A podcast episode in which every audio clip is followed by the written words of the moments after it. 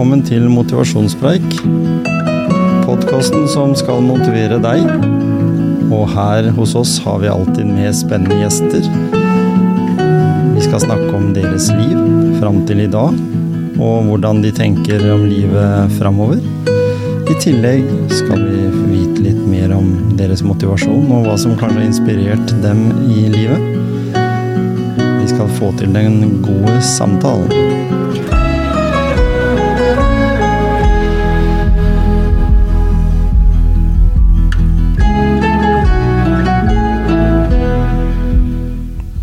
Det skal vi.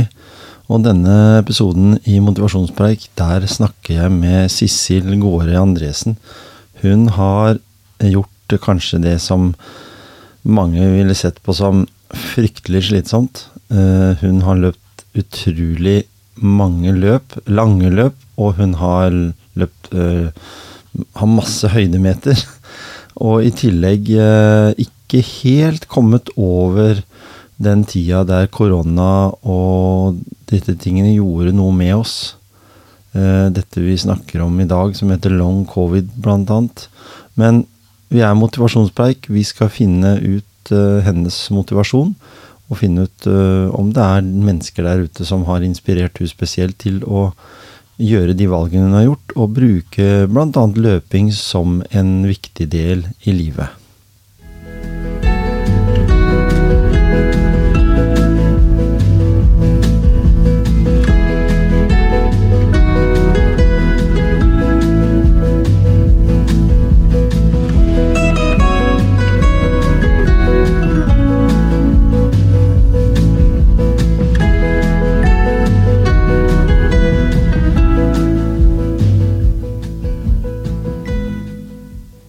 Ja, og vi er i studio, og jeg har fått besøk av eh, dama da, som er veldig glad i å løpe, men som kanskje ikke får det like lett til i dag. Eh, hei, Sissel. Hei, hei. hei. Takk for at jeg fikk komme. Ja, så bra. Du, eh, vi har jo snakka sammen en del. Vi kunne jo spilt inn to episoder i podkasten, egentlig. Glad å prate begge to. ja. Men det er interessant å vite litt. Hvem er eh, Sissel, da? Ja, jeg er, skal utgangspunktet si, treningsglad dame fra Skien. 45 år. Eh, gift. To ungdom. Og eh, ja, glad i å løpe og, og være i aktivitet. Mm. Og dette her, du, du, sa jo det her i stad, at du hadde jo løpt eh, og trena og vært aktiv med volleyball og andre aktiviteter. Eh, også, men så var det, hva var det som skjedde for 15 år siden sånn cirka? Da, liksom, da ble løping litt viktigere enn, enn det hadde vært. Ja, e, etter å ha fått e, to barn, så var det litt lettere å egentlig snøre løpeskoa hjemme og, mm. og, komme seg ut når det passa, og ikke ha en treningstid å forholde seg til. Så det var jo sånn kanskje eh, løpinga tok seg litt opp, da. Mm. Eh, begynte å Først eh, typisk å løpe Gjellevannet rundt her i Skien, mm. som var en stor målsetning å, å klare det på en fornuftig tid. Og det var vel der jeg fortsatte fram til man begynte å øke ved distansen, da. Mm, for, Begynte å utforske litt. Ja, for når spoler tilbake som 15 år, så var det liksom populært med du skulle løpe ribbeløp i romjula, så skulle du løpe nyttårsløp på nyttårsaften. Og det var liksom veldig mye sånn den dørstokkmila. Det, det, det, var mye sånne Jeg husker jeg vokste opp med, med disse her eh, turløp, altså disse løpa, da. Sånn nyttårsløpet, det var GS-mila. Det var liksom sånn, det, det, var mange mange mennesker som heiv seg på den hypen, da. Og så var jo det litt stille. Så det, det når, når, du går 15 år tilbake, og de miljøene du har brukt mye tid på, da, eh, det er nybrottsarbeid igjen, fordi det har vært litt stille på den løpefronten. Sånne gateløp har det har liksom bare vært eh, Oslo Maraton i Norge, kanskje, og så sånne andre store ute i, ute i verden. Berlin Marathon, eh, New York og sånn, som greier å fange fordi det har liksom blitt en, en tradisjon, hvis man kan si det på den måten. Men veldig mange andre små og mellomstore løp er jo vært borte. Så, så der har jo dere bygd opp et miljø. Dere er jo Du, du har i hvert fall vært med å starte noe som heter uh, Høge på livet. Det stemmer. Jeg skal ikke si at jeg var den første, men jeg var en av de første inn i gruppa, i hvert fall. Ja. Eh, og eh, noen bekjente og, og, venner i Oslo som begynte å løpe sammen der. Og så kom jeg også inn eh, i det miljøet. Mm. Har bodd i Oslo mange år, så det var jo jenter som jeg ble kjent med i, i barseltid, i utgangspunktet, ja. der inne. Og så um, har vi bygget opp sakte, men sikkert at det har vært en gruppe på rundt 20 som har, eh, har vært med sammen. Eh, og hatt ofte da KK-mila og sentrumsløp i Oslo som hovedmål, da. Mm. Og vært inne og løpt, og vært på afterrun etterpå. Som Ja. har vært en stor del av, av aktiviteten. Så sosialt og det å ha et mål å løpe mot. Mm. Hva jobber du med til vanlig? Jeg jobber som salgsrådgiver i Rangsells. Ja. Så jeg jobber med avfallshåndtering og eh, løsninger mot eh, bedrifter. Dere var Så- sponsor i Oslo Maraton nå, var det det? Det stemmer. Jeg husker jeg drakk av en sånn derre miljøvennlig vannflaske. De var fine, de. ja, de var veldig fine. Nei, vi har vært, eh, eh, vært ganske synlige på, på Oslo Maraton, så jeg Mm. løp jo halvmaraton selv på, som bakgrunn av at eh, jobben sponset da, Ja. eh, i år, eh, og traff eh, gode løpevenner i forbindelse med det. Mm. Og ellers er vi jo aktive med i andre ting. Og og når, når du kommer inn på det der du sier med at arbeidsplassen sponser eh, hva, hva tror du om det, eh, bruken av fysisk aktivitet eh, både i arbeidstid, men også sånn eh, sosialt ved siden av, at en bruker litt eh, midler på det? Eh, når man eh, mer inn til de ansatte ved å ha en bedre fysisk form, tror du? Jeg tror at det er kjempebra, Mm. eh, og så er jeg jo en person som trigges av å være i fysisk aktivitet. Og mm, jeg ser jo forskjell på, for jeg har jo noen kolleger som syns det er helt håpløst og ikke er så glad i, i den form for aktivitet, da. Mm.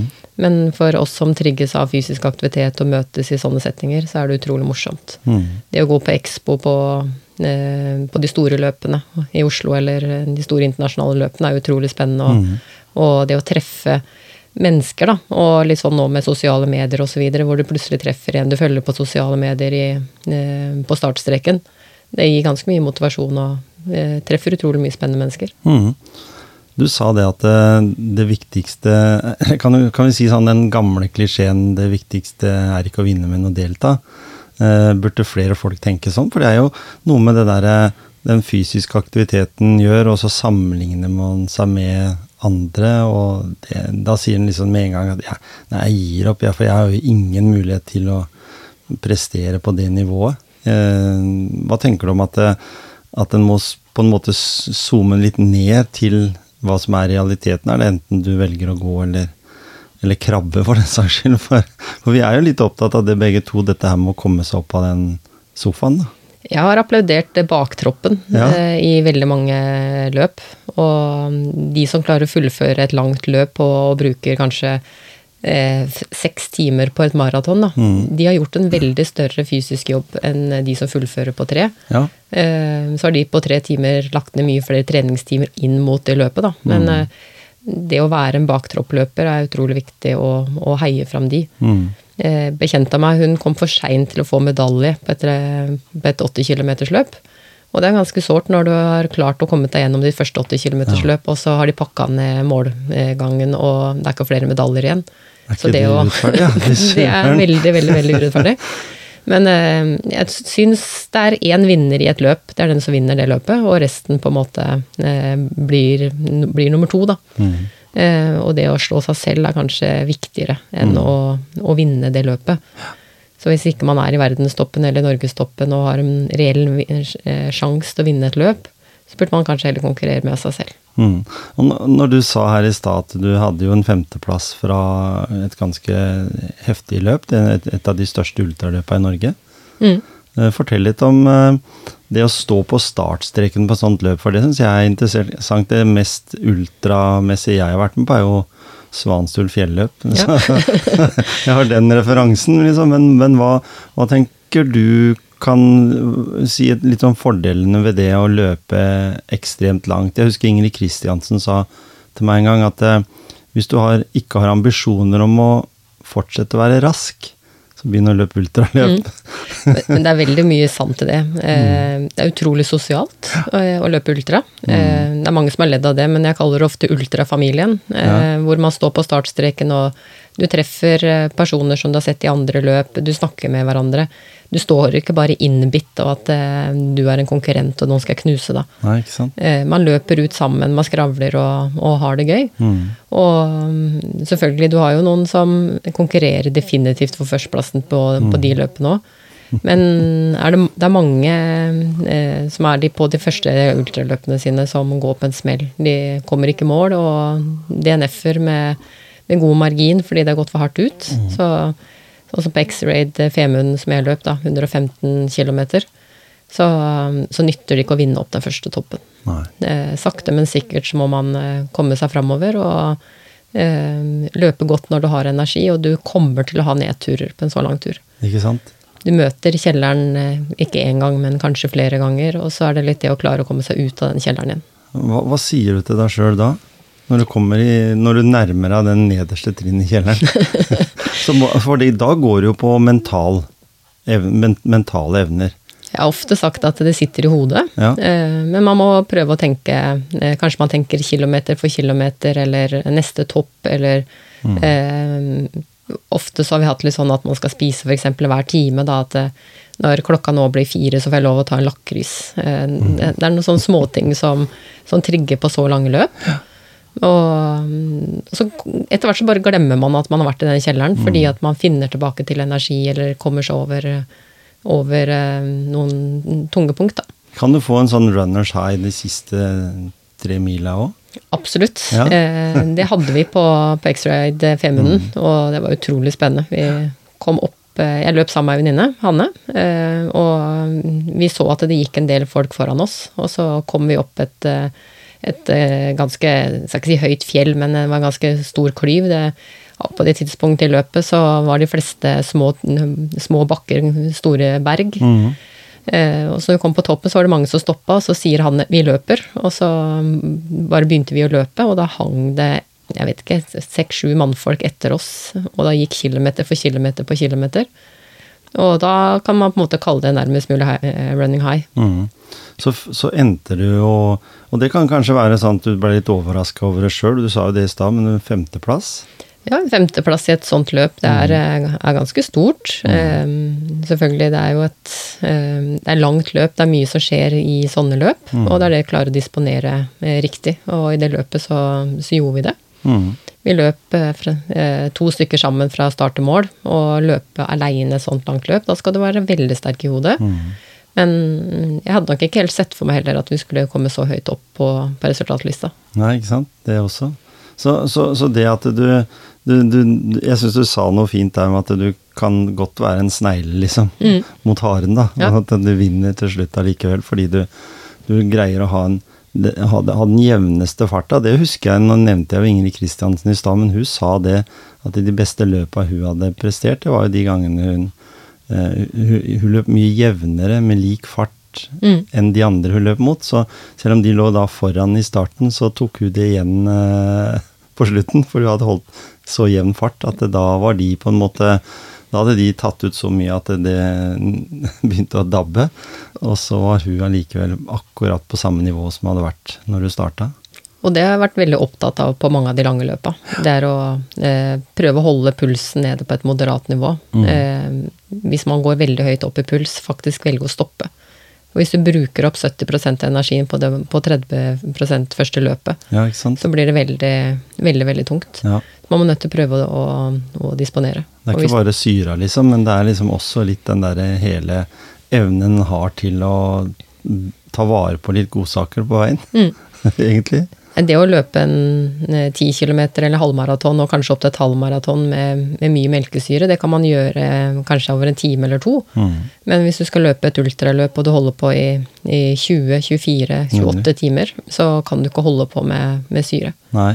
Og da vil den syra vil tære så utrolig mye på, på de siste kilometerne. Mm. Og hvis du har løpt veldig, du skal løpe 80 km, og du har løpt veldig veldig bra i 75 km, men er helt stiv i siste fem, mm så um, kan det hende at det kommer 15 stykker og tar deg igjen på de siste fem kilometerne. Ja. Det er, da, det er da vi ser noen ganger noen som har trena masse til å gjennomføre en maraton, og så må de bli båret i mål omtrent. Mm. Fordi det er liksom, de har ikke hatt helt styringa på, på, det, for det er tross alt en, en avslutning i et løp òg, det kan jo for noen ganger bare være en kilometer. Det er nok til at da sa kroppen stopp. Ja, og et maraton starter gjerne på 30 km. Mm. Eh, de første 30 er jo oppvarming. Og mm. så det er først etter 30 det er da det begynner å bli tungt. Det er det det er. Jeg har hatt noen nedturer selv. Jeg løp eh, Amsterdam maraton i 2019. Da hadde jeg en kjempenedtur etter 30 km. Da tror jeg jeg gikk og svelga tårer og eh, ikke skjønte hva jeg egentlig holdt på med, hvorfor jeg gadd å løpe, for det var så kjedelig, og da er liksom alle de negative tankene. Mm. Og det å normalt sett da være flink til å, å være sterk i hodet på, på sånne ting som det, da. Da, da måtte jeg gått ned i kjelleren, og så måtte jeg på en måte mobilisere på nytt for å komme til mål, da. Og jeg tror det er mitt løp hvor jeg har vært nærmest å eh, bare gi løpet en lang finger og gå ut og ta av meg startnummeret. Ja. Men eh, jeg klarte å komme meg til mål, og det ja, for det, det er ikke mange løp du ikke har fullført. Nei, jeg har stort sett fullført det jeg starta på. Jeg har en fryktelig sår DNF på Storheter Moria verdens ende og ga meg etter 100 km. Eh, som i etterkant var veldig lurt å gjøre, for jeg hadde fått en infeksjon i kroppen som gjorde at jeg, eh, ting gikk litt rått. Mm. Men eh, jeg ga meg etter 100, da. Så det, 100 er jo litt det òg, da. det er litt. Og så har vi ledd litt av det i etterkant, for det året så var det både jeg og Frank Løke som trakk oss og kom i taxi til eh, Hengsrud, som var den stoppen. Ja, ja. Så det var et lite plaster på såret at han også ga seg på samme sted. Ja, han er jo gæren. men, men det er, og det er jo litt interessant det du sier der, for, fordi når du, når du da bryter noen løp, eller bryter et løp, da, eh, så vet vi jo alle i Norge, og alle, alle i verden for så vidt, vet jo at vi hadde en pandemi. Mm. Eh, og vi skal snakke mer om motivasjonen din og sånn underveis, men akkurat pandemien og covid, den har du et litt spesielt forhold til. Ja, det er uh... Det var mange som for så vidt hatt, men du har et litt mer eh, som du kan gå litt mer inn i detalj, kanskje? Ja, jeg er en av de som i dag sliter med long covid, og sliter mye med utmattelse. Og har for så vidt gjort det i ett og et halvt år, eh, hvor det kanskje har vært det verste siste året etter andre eh, dose, eller nei, ikke andre dose, men eh, andre gang jeg ble testa positivt på, på covid. Og i utgangspunktet så fungerer jo kroppen, men energilagrene i, i hodet og, og det å klare å gjennomføre ting er, er ganske redusert. Og det er I hodet mitt så er jeg en ultraløper som kan bare spenne på meg skoa og gjøre veldig, veldig veldig mye. Og finner meg selv altfor ofte sovende på sofaen. Og det er en ganske stor kontrast på, på det man liker å gjøre. Så selv om jeg fortsatt får noen fine turer ut, så er det ofte med, med lav puls og gåsko, og ikke, ikke løpesko, da.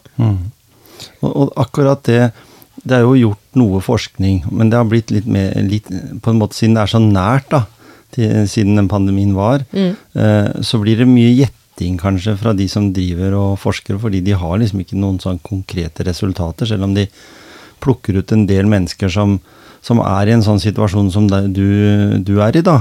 Eh, men så blir det allikevel så blir eh, hele eh, forskningen den blir jo ikke så veldig stor, fordi det er jo, som jeg sier, det er jo veldig nytt. Det er veldig usikkert. altså vi har hatt eh, eh, traumer i samfunnet tidligere. Mm. Eh, Mennesker som vokste opp etter krigen, f.eks., som, som blei veldig Eller var, hadde ME-relaterte sykdommer, eller at det blei satt ut av det. Mm. Eh, og en har posttraumatiske eh, tendenser i, i noen ting. Så fordi en opplever krig og, og, og sånne ting. Tror du det at det, mye av det som ligger i det med long covid, da, eh, som du har følt på kroppen sjøl, det har jo noe med vår mentale helse mer enn det har med vår fysiske helse. Mm, det, er jo, det sitter jo i hodet, på en måte. Eh, For min del så sitter det jo i energilagerne, men det går Mm. også utover det de kaller hjernetåke, konsentrasjon, hukommelse mm. og de tingene. Og det blir mye verre når jeg er sliten. Mm. Og det å sitte en hel dag foran PC på jobb, eh, telefoner inn osv., så, videre, så eh, husker rett og slett ikke hva jeg sitter og holder på med. Nei. Og det er ganske rart når man tidligere har vært god og sterk på de tingene og, og alltid hatt kontroll, vært god på å planlegge, eh, hatt mange baller i lufta til enhver tid. Mm. Og nå jobber jeg med en ting, og det er å bli flinkere til å si nei. Ja. Og det er ganske kjedelig, faktisk, å si nei. For det har egentlig alltid vært et ja-menneske som liker å være med på alt og eh, er kanskje litt for spontan til å være et nei-menneske. Elsker å, å være med på aktiviteter og liker å sette meg gode mål. Og eh, har en tendens nå at jeg fortsatt sier ja på gode dager, og så er det ikke sikkert at det alltid er like, like lurt. Så seinest nå ombestemmer du deg? Altså, du, du sier at du har sagt ja, men så kommer du nærmere og nærmere den, så vet du at det egentlig så er ikke det så lurt. Ja, sånn sett nå så har jeg jo i hvert fall, om ikke jeg har ombestemt meg nå, så har jeg i hvert fall redusert eh, målsettinga mi. Mm. Eh, og så får man se hva, hva man gjør ut ifra det. Men jeg har fortsatt noen store ønsker og mål som jeg har lyst til å, å, å gjøre. Men jeg skjønner at eh, sannsynligheten blir, blir, mindre og mindre, da. Med at man får trent mindre og, mm. og er mindre i aktivitet. Så jeg hadde seinest nå for eh, i begynnelsen av september hvor jeg løp eh, Oslo halvmaraton. Mm. Og um, utgangspunktet så er jeg ikke så glad i asfalt lenger. Jeg er veldig mye mer glad i terreng og liker å bruke tida mi i terreng. Mm. Og allikevel så klarte jeg å si ja til at jeg skal løpe London Marathon i april 24. Eh, ti minutter etter at jeg kom i mål, fordi da var det litt sånn høy på livet, og mm. alt var strålende fint, og følte at jeg hadde hatt et eh, godt løp. Og så går det noen uker, og så sitter jeg i dag og er sykemeldt og, og sliten og klarer ikke helt å, å gjøre alt det man skal øh, gjøre i hverdagen. Verken på jobb eller på fritid. Men på en annen måte så tenker jeg at øh, jeg skal til London 2024, og så håper jeg virkelig at jeg står på startstreken. Og hvis ikke mm. jeg står på startstreken, så skal jeg i hvert fall ned og være supersupporter for de andre vennene mine som skal løpe. Ja, for det ser ikke du på som noe nederlag? Eller det er jo et nederlag, men altså ikke på den måten, fordi du da, da feier du ikke ut og blir hjemme. Nei, fordi du ikke får løpe. Nei, og det er viktig for meg det sosiale miljøet rundt, mm. rundt de aktivitetene, da. Så det å være en del av miljøet er kjempeviktig for meg. Det er der jeg har mange av vennene mine, og, mm. og de som jeg syns det er morsomt å være på tur med. Så um, jeg håper virkelig at jeg klarer å løpe eh, London 2024. Jeg tviler på at det blir et perseløp, eh, hvis ikke noe skjer veldig i morgen at jeg plutselig er, er helt på. Men eh, eh, det å eventuelt fullføre, da vil det være en stor seier i seg selv, hvis det skulle gå. Mm. Men jeg har blitt flinkere nå til å si, si nei og ta vare på meg selv, og, og prøver å trene litt ut ifra hva puls eh, sier, og eh, sette seg litt andre typer mål, da. Mm. Så det er sånn som de sier nå, jeg husker ikke hvem det var som sa det, men eh, det var noen som anbefalte å gå på vitamin N. Mm. Nei, vitamin. Fordi det burde være litt der. Ja, altså I noen eh, tilfeller, i hvert fall. I noen tilfeller mm. så, så burde man det. Men mm. eh, det er å finne en balansegang mellom hva man vil og hva man kan. Ja. Eh, og jeg tror at, eh, at, vi mennesker er skrudd for å være i aktivitet. Det å sitte hjemme på sofaen, eh, det tror jeg ikke har verken godt for eh, kropp eller sjel. Men eh, kanskje moderere litt hva man gjør. Mm. Sette seg noen målsetninger eh, og gjøre noe. Eh, komme seg ut. Det er i hvert fall kjempeviktig for meg. Mm. Og vi snakket litt om det her i stad, du og jeg, men tidligere så skulle man på en måte være sengeliggende med høy feber og ligge under dyna når man var sykemeldt. Det gjør, gjør litt vondt for omverdenen noen ganger at det man gjør, er ute og gå tur den mm. dagen man ikke er på jobb. Men de gir utrolig mye energi og bygger opp energi til å klare å stå i, i resten av det man møter mm. Eh, etterpå. Og tror det er mye, mye, god helse i å være ute i natur og, og være i aktivitet. Mm, også, også, det å da for, for, vi er jo litt sånn der vi, Når du er ute da og går en tur f.eks., så vil du helst ikke bli sett. Nå håper jeg ikke at jeg møter noen mm. kolleger nå. Mm. Så, så, så, blir det sånn, så da er det best å være hjemme, egentlig. Men det er jo den dårligste medisinen for å komme raskere tilbake, da. Absolutt. Er, eh, jeg tror det er viktigere å komme seg ut. Og derfor mm. har jeg også vært litt opptatt av å være åpen i forhold til utfordringene. Mm. Fordi jeg tror ikke det hjelper noe å, å tie stille om det. Eh, samtidig at når man snakker åpent om det, så hender det at jeg også får noen gode råd og tips eh, på hva man kan gjøre for mm. å bli bedre, da. Norge er jo et sånt arbeiderklassesamfunn eh, som er i ferd med å bli borte, da. Mm. Fordi det, det, er ikke helt kultur for store industriarbeidsplasser lenger på samme måten. Eh, det har jo gjort noe med hele vår mentalitet av de jentene. har flytta ut og kommet tilbake, men det, har, det sitter liksom veldig sånn dypt forankra, da. Og det, og det, har jo med dette at eh, hvis du eh, gjør en eller annen ekstrem greie da du løper Jeg så det at du hadde vært med i en sånn liste. Jeg skal få greie på litt hva, du, hva det ligger i det, men det var sånn du hadde bestiget Mount Everest. Ja. ikke sant? Sånn, sånn, sånne eksempler og sånn, og da sier du at herregud, er du som Frank Løke, liksom? Helt gæren. Men, men allikevel eh, så er det sånn at du nå sitter i en sånn situasjon der du er syk. Mm. Eh, Og så er det da sikkert mennesker som, om ikke de direkte sier det til deg, så tenker de at det, ja, se på hun da, hun som har løpt så mye, nå får hun igjen for alt det slitet og strevet hun har utsatt kroppen sin for. Jeg er jo helt frisk og fin, og jeg har aldri løpt. Det er, det, er, det faktisk veldig mange. at ja. sånn, eh, du får sikkert eh, Det er sikkert fordi du har holdt på med så veldig mye ja, før. Eh, det er faktisk veldig mange som kommer med tilsvarende ja, Hva var det jeg sa, mentaliteten, da? Mm. For den er jo litt fra det, fram til det i det industrielle greia der. At det, mm. Du skal ikke være noe jantelovaktige ting. Mm.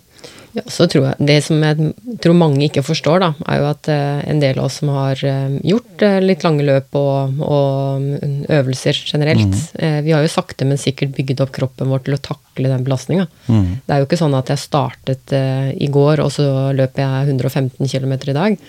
Det er noe man sakte, men sikkert har bygget opp, og vi har bygd opp kapasitet til å få til dette her Eh, vi har vært opptatt av eh, matinntak og energiopptak. Hva, hva, må man gjøre for å holde ut i lange tider? Mm. Så vi har jo testa mye med, med løp og, og, og, aktiviteter før man står på en startstrekk. Mm. Og mm, selv om jeg har hatt en tendens til at jeg har dobla distansene mine, da. Mm -hmm. Hvor jeg eh, Første gangen jeg løp eh, halvmaraton Jeg husker jeg, hadde, jeg løp stort sett fem-seks kilometer Gjellevann rundt, som jeg nevnte i stad, eller mm. eh, kanskje opp mot ti. Eh, og så hadde jeg egentlig i lang tid løpt fem-seks, og så sier jeg til deg som jeg løp veldig mye med da, eh, at eh, jeg reiste ut i dag, og så løp jeg tolv. Og hun bare Hæ, her løper du vanligvis 6, og så har du nå løpt tolv?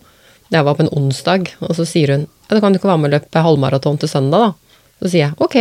Mm -hmm. Så jeg har liksom do, dobla på nytt, da. Eh, så jeg løp mitt første halvmaraton i, i 2013, som var uh, Gjerpen uoffisielle halvmaraton. Mm -hmm. uh, det var tre runder rundt opp på, på Gjerpen uh, og Århusveien. Ja, ja.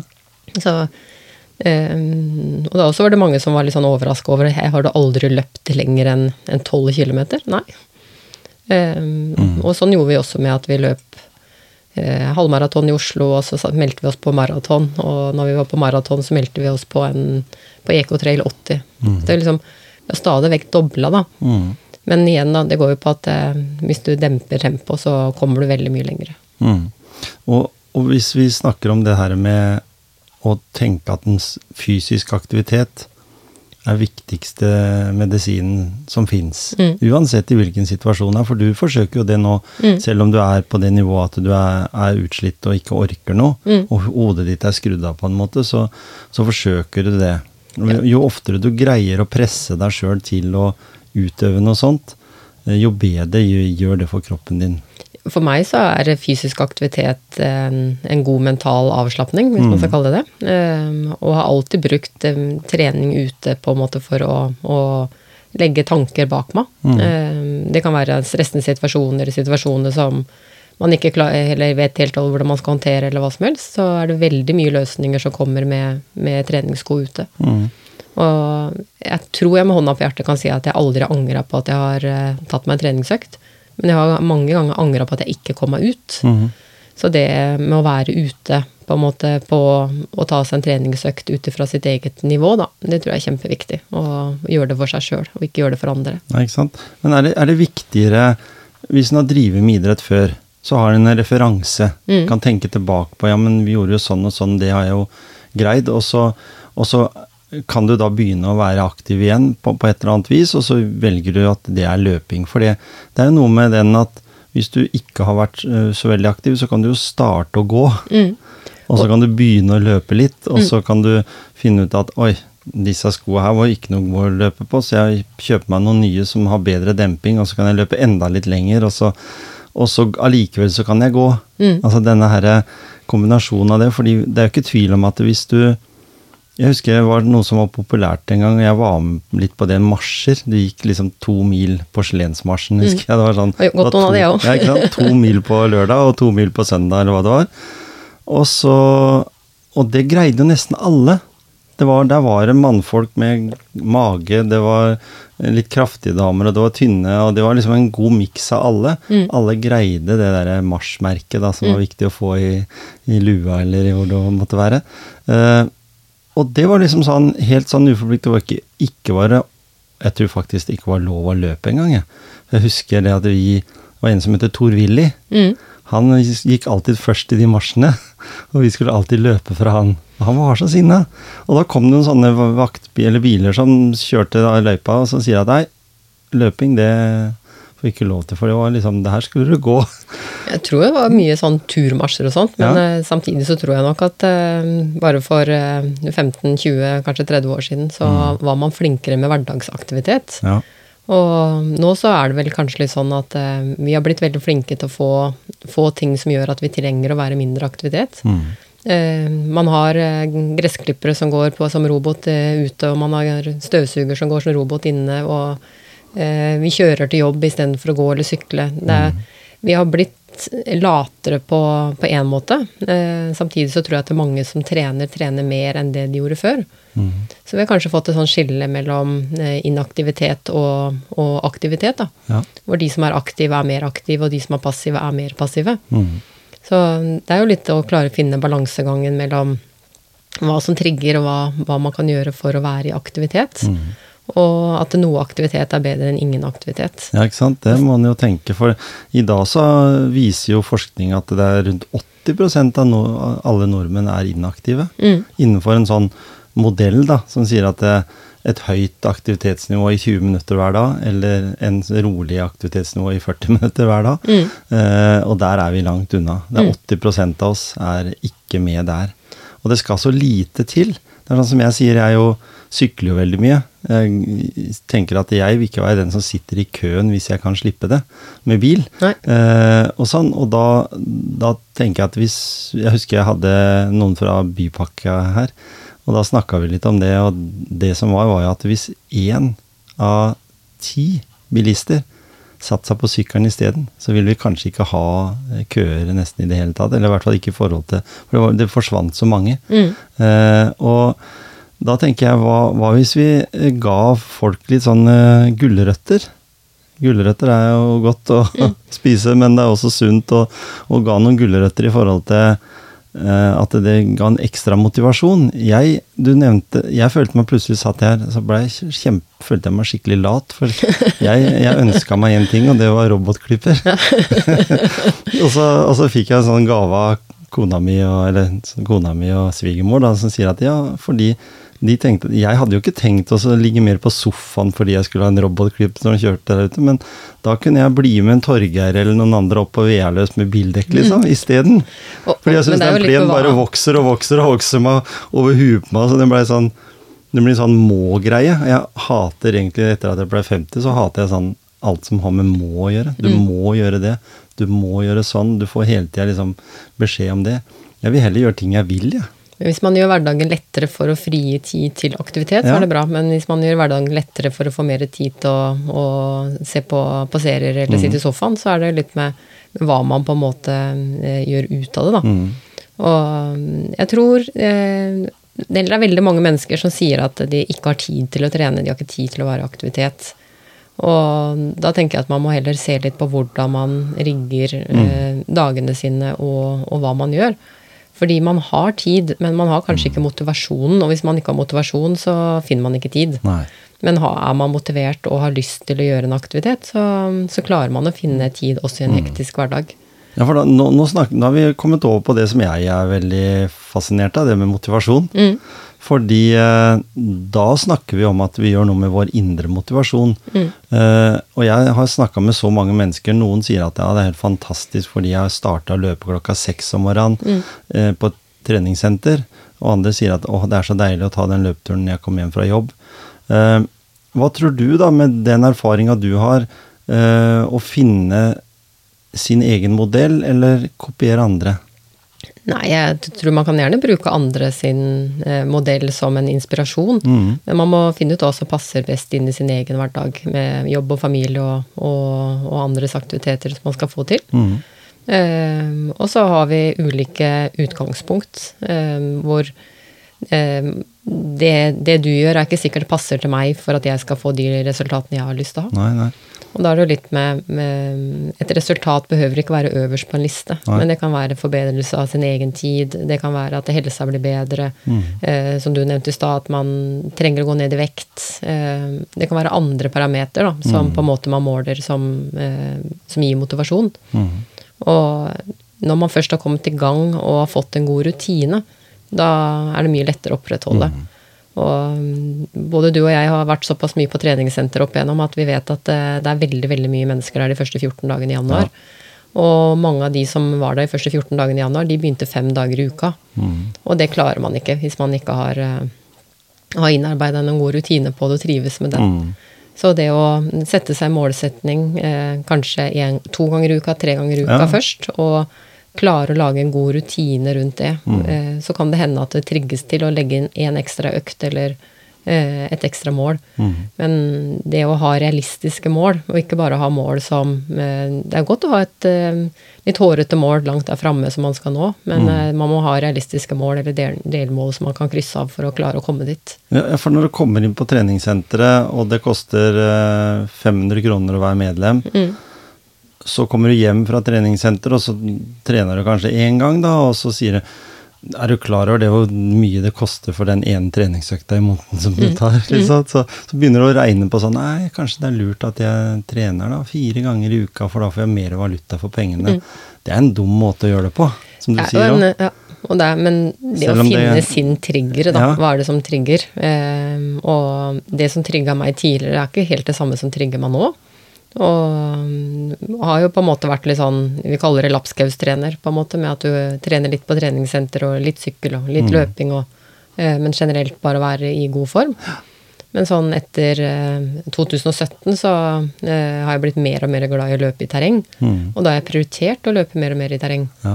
Og vært mye ute i skogen. Vi har eh, trigga å løpe Titopperen eh, og brukt det som utgangspunkt for å bli kjent i, i nærmiljøet Ja, vårt ja. igjen. Og når du har vært på noen topper, da, så har du oppdaga at eh, det fins et vanvittig stort eh, nett av blåmerka stier i, i Grenlandsregionen. Mm. Og um, all takk og honnør til DNT Telemark og, og seniorgruppa der, og eller dugnadsgruppa, som tilrettelegger så vanvittig mye fine stier i, i regionen vår. Mm. Og, um, så jeg har jo vært på veldig, veldig mange topper, og finner jo hele tida nye, nye topper eller nye steder eller nye stier man har lyst til å, å, å ta. Mm. Og det er noe som trigger meg, eh, men det er ikke sikkert det er det som trigger andre. Så man må jo på en måte finne sin, sin løsning og sitt nivå eh, for å være motivert, Mm. og gjøre det for seg selv. Tidligere ordfører i Skien, Hedda Foss Five, hun er jo veldig glad i Fantekjerringkollen. Mm.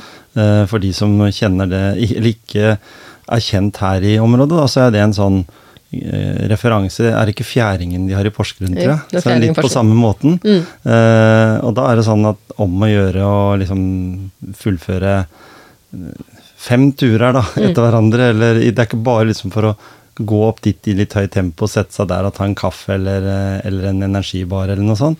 Eh, Du har vært med på litt sånne ting. Dere har liksom tøyd strikken litt i forhold til titoppere og, og sånne ting. Skulle gjøre på kort tid. Mm. Eh, alle toppene på, på et døgn. Altså litt, sånn- litt sånne ting. Er det lurt, er, eller vil du si at det er et hårete mål, da? Å sette seg en sånn måls, målsetting som det? På en måte, ja. Eh, vi, I 2020 så var vi ti stykker som tok eh, 17 titoppere i Grenland eh, på 28 timer. Ja. Eh, og som jeg nevnte her tidligere, at det, det kuleste med det syns jeg var at alle ti fullførte. Ja. Eh, og for noen så er det kanskje et kjempehårete mål, men eh, de jentene som var med på det, hadde vært ute en vinternatt før eller eh, vært med på, på lange turer. Men jeg er likevel positivt overraska over at eh, alle fullførte. Ja, så, altså, er det ikke bare det, men hvis du tenker deg det som jeg, når, når du sier det der, så tenker jeg ja, du skal løpe opp på den toppen og ned igjen, Mm. og så skal du sette deg i bilen og så kjøre. For de, for de som er kjent med titopperkonsept, så er det jo ikke det at de toppene ligger ikke etter hverandre. Nei, det så var, du bare eh, mm. løper fra den ene til den andre. Det er liksom ditt distanse. Å sitte der i bilen og kjenne at det, åh, Nå har vi, nå har vi løpt liksom seks eh, topper og litt sånn hutrete i bilen og på med varmeapparat og, så, og sånn, og så, og så kjenner en blir jo litt stiv, da. En gjør det, for den er jo liksom ikke 22 lenger. Nei, og så er det jo litt med den turen vi eh, Titopperne starter jo 1. mai, så vi juksa litt med at vi starta kvelden før. Mhm. Ja. Eh, og tok eh, første toppen eh, i Siljan. Og når vi står på den første toppen, da kommer det første regnet. Ja. Eh, Så vi hadde fint Så det vær opp liksom? Ja, det var bare litt sånn yr. Eh, Ja, ja. Men vi var jo nede på bare noen ytterst få grader. Mhm. Og så eh, er vi da på topp nummer to i Siljan etterpå, og da begynner det å sludde. ja. Og så tar vi eh, toppene rundt Blåfjell og, og Middagskollane. Eh, og da også begynner faktisk å snøen å legge seg. Mhm. Og etter det så kjørte vi videre mot eh, Da var både Geitebuverden og Langelandskollen med på Titopperen. Eh, og da lå det 15 cm nysnø på Langelandskollen når vi var der sånn på, eh, på natta. Og når du da kommer opp, opp dit der du går og vasser i den snøen, noen går først, noen går sist. Det var ikke alle som hadde tatt med seg gode, bare terrengsko, så Nei. hun ene hadde var på asfaltsko på den ene turen, fordi vi skulle egentlig opp ganske langt på grusveien opp Skådalsveien. Og mm, 15 cm nysnø, det var ikke akkurat det vi hadde tenkt på. Nei, Så det blei jo det litt tungt, akkurat som du sier. Du blir kald og våt. Det er jo våren og mai måned, liksom. Så. men eh, når vi da tok eh, den toppen som vi syns er litt sånn juksete, ute i Langesund på Nå husker jeg ikke hva den heter, den, toppen som ligger eh, Den som bare er sånn type 50 meter, eller er ikke Nei, det engang? ikke det. 20? Nei, det er ikke det engang. Nei, det er er tre, tre meter over havet eller sånt noe. eh, Ute Ja, i Jeg må jo la de fra Bamble ha noe, de òg, da. De må sånn. ha, få lov til å ha noen, men eh, der skinte faktisk sola. Så der gikk vi shorts og T-skjorte. Så det var liksom litt fra kontrasten på natta der Mm. med masse snø og, og så videre, da. Ja. Men eh, god stemning og det er ganske mye logistikk på, på en sånn tur. Det det. På, eh, det var ikke alltid det var like eh, fornuftig å, å gå opp samme sted som du kom ned, så da måtte man sette fra seg halvparten av bilene ett sted for å kjøre de andre opp for å hente de andre bilene, og det var ganske sånn, ja. mye logistikk. Og det er i den tida, det òg. Det er i tiden. Mm. Eh, så jeg husker ikke akkurat hvor mange kilometer og, og sånn det var, men eh, jeg mener at vi hadde rundt 80 km ute. Eh, I tillegg at vi da var eh, i Siljan og Skien og Mm. Du skal liksom langt opp i Valebu og opp i Melum og Hørskollen, ut, langt ut i Bamble og Mm. eh, Det er en del kilometer kjøring i tillegg, da. Så man rekker å bli litt stiv. Mm. Og, Og, Men så er det sånn da at du og mannen din, og, eller dere har jo på en måte bodd i Oslo. mm, Eh, sikkert fått venner og sånt nå da, i den tida dere bodde i Oslo. Du sier jo det også, at du har fortsatt å ha vennskap med mange av de. mm. Eh, er det, men allikevel, de som ikke kjenner da området her du bor nå, i Grenland, da. Mm.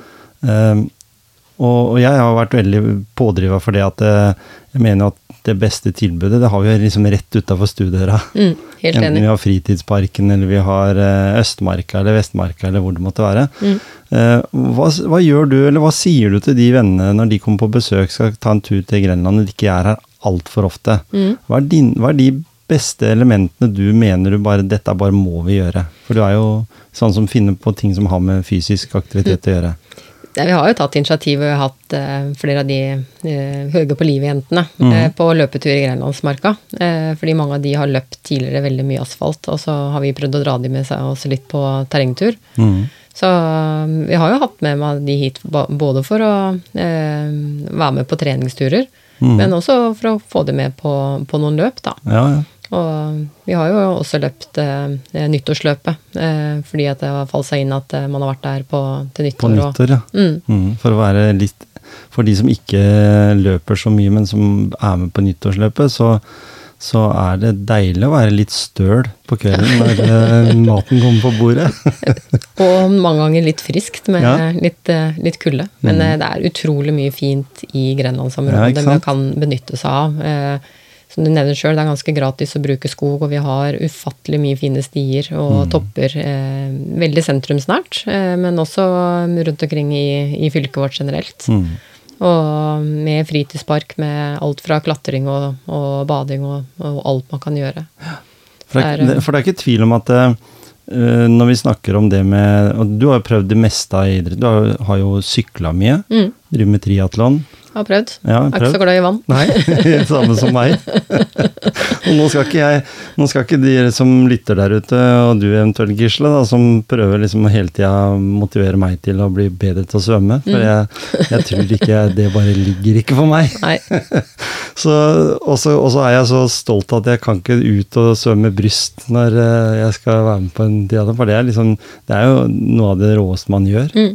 Sånn jeg tenker. Jeg syns det er utrolig mm. kult eh, konsept. Eh, men ja, jeg måtte lagt inn ganske mye innsats sjøl for å blitt komfortabel i vann, da. Mm. Eh, men på en annen måte så tenker jeg at eh, hvorfor skal jeg det, når jeg på en måte har så mye glede i, i veldig mange andre aktiviteter? Mm. Så er det utrolig bra at andre finner motivasjon og glede i, i det med, med svømming og, og, og triatlon. Ja, og så, og så tenker jeg det at eh, jeg hadde jo Jørn Fjelldavli her. Han ble jo verdensmester i, i sykkel Mm. uh, i sin klasse, da. Riktignok, jeg må si det, fordi, men det er jo en kjempeprestasjon uansett. Du er jo verdensmester. Mm. Uh, og da tenker jeg, når jeg spurte han om Han trener jo over 800 timer. Mm. Eh, han trener bare sykkel. Blir ikke lei, tenkte jeg. Jeg nei. Altså, og hvis jeg skal levere de resultatene som er, Mm.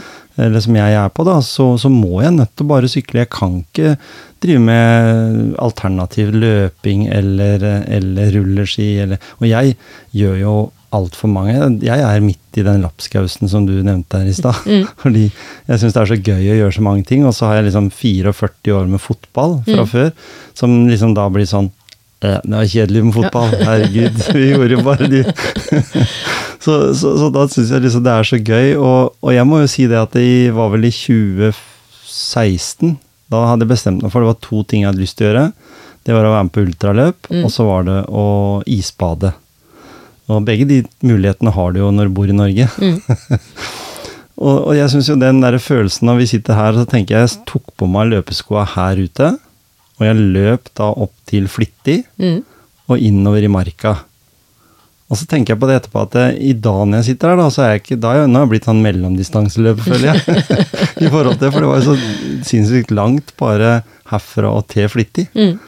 Men når du først var ute og løp, så det var jo så befriende, og tanken med at du hørte lyder, da, Mm. som ikke du hører når du sitter i bilen, eller som når jeg sitter på sykkelen, eller gjør andre sånne ting, for du blir så opptatt av det tekniske. Mm. Men når du løper, så kan du jo være opptatt av tekniske ting òg, men det er liksom for viderekommende. Den vanlige løpeturen, Mm. eller det å gå litt fort, eller hva du gjør, det er jo en helt annen En lettvint følelse. Ja, altså eh, litt med hva, hvor, hvor man er, da. Fordi eh, jeg er litt sånn at eh, jeg syns asfaltløping er ganske kjedelig og Ja. monotonisk og, og sånne ting, mens løping i terreng er noe helt annet. Mm. Mens andre tenker er ikke det løping? Eh, Ja. Men når jeg løper på asfalt og løper eh, Jeg gjør jo det noen ganger, men da har jeg ofte musikk eller podkast på øret eller noe, noe som på en måte motiverer eller får hodet mitt bort ifra den monotoniske treninga. Ja.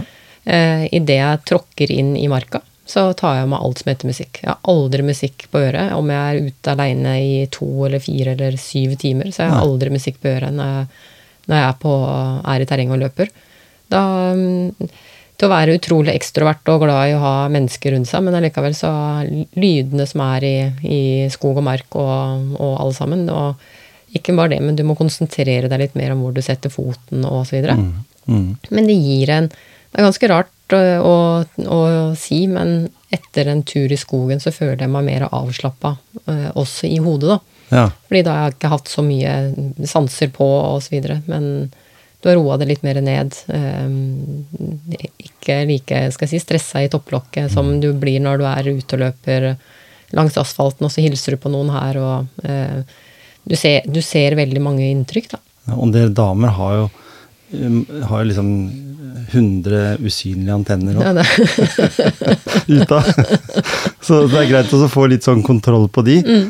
men, men når du da eh, er ute og har den der løpeturen, den befrielsen eh, er, er du sånn at du er veldig når du, når du kommer hjem da, så er det kun sunn mat, kun Altså, vi har jo sånn Jeg syns jo det er f.eks.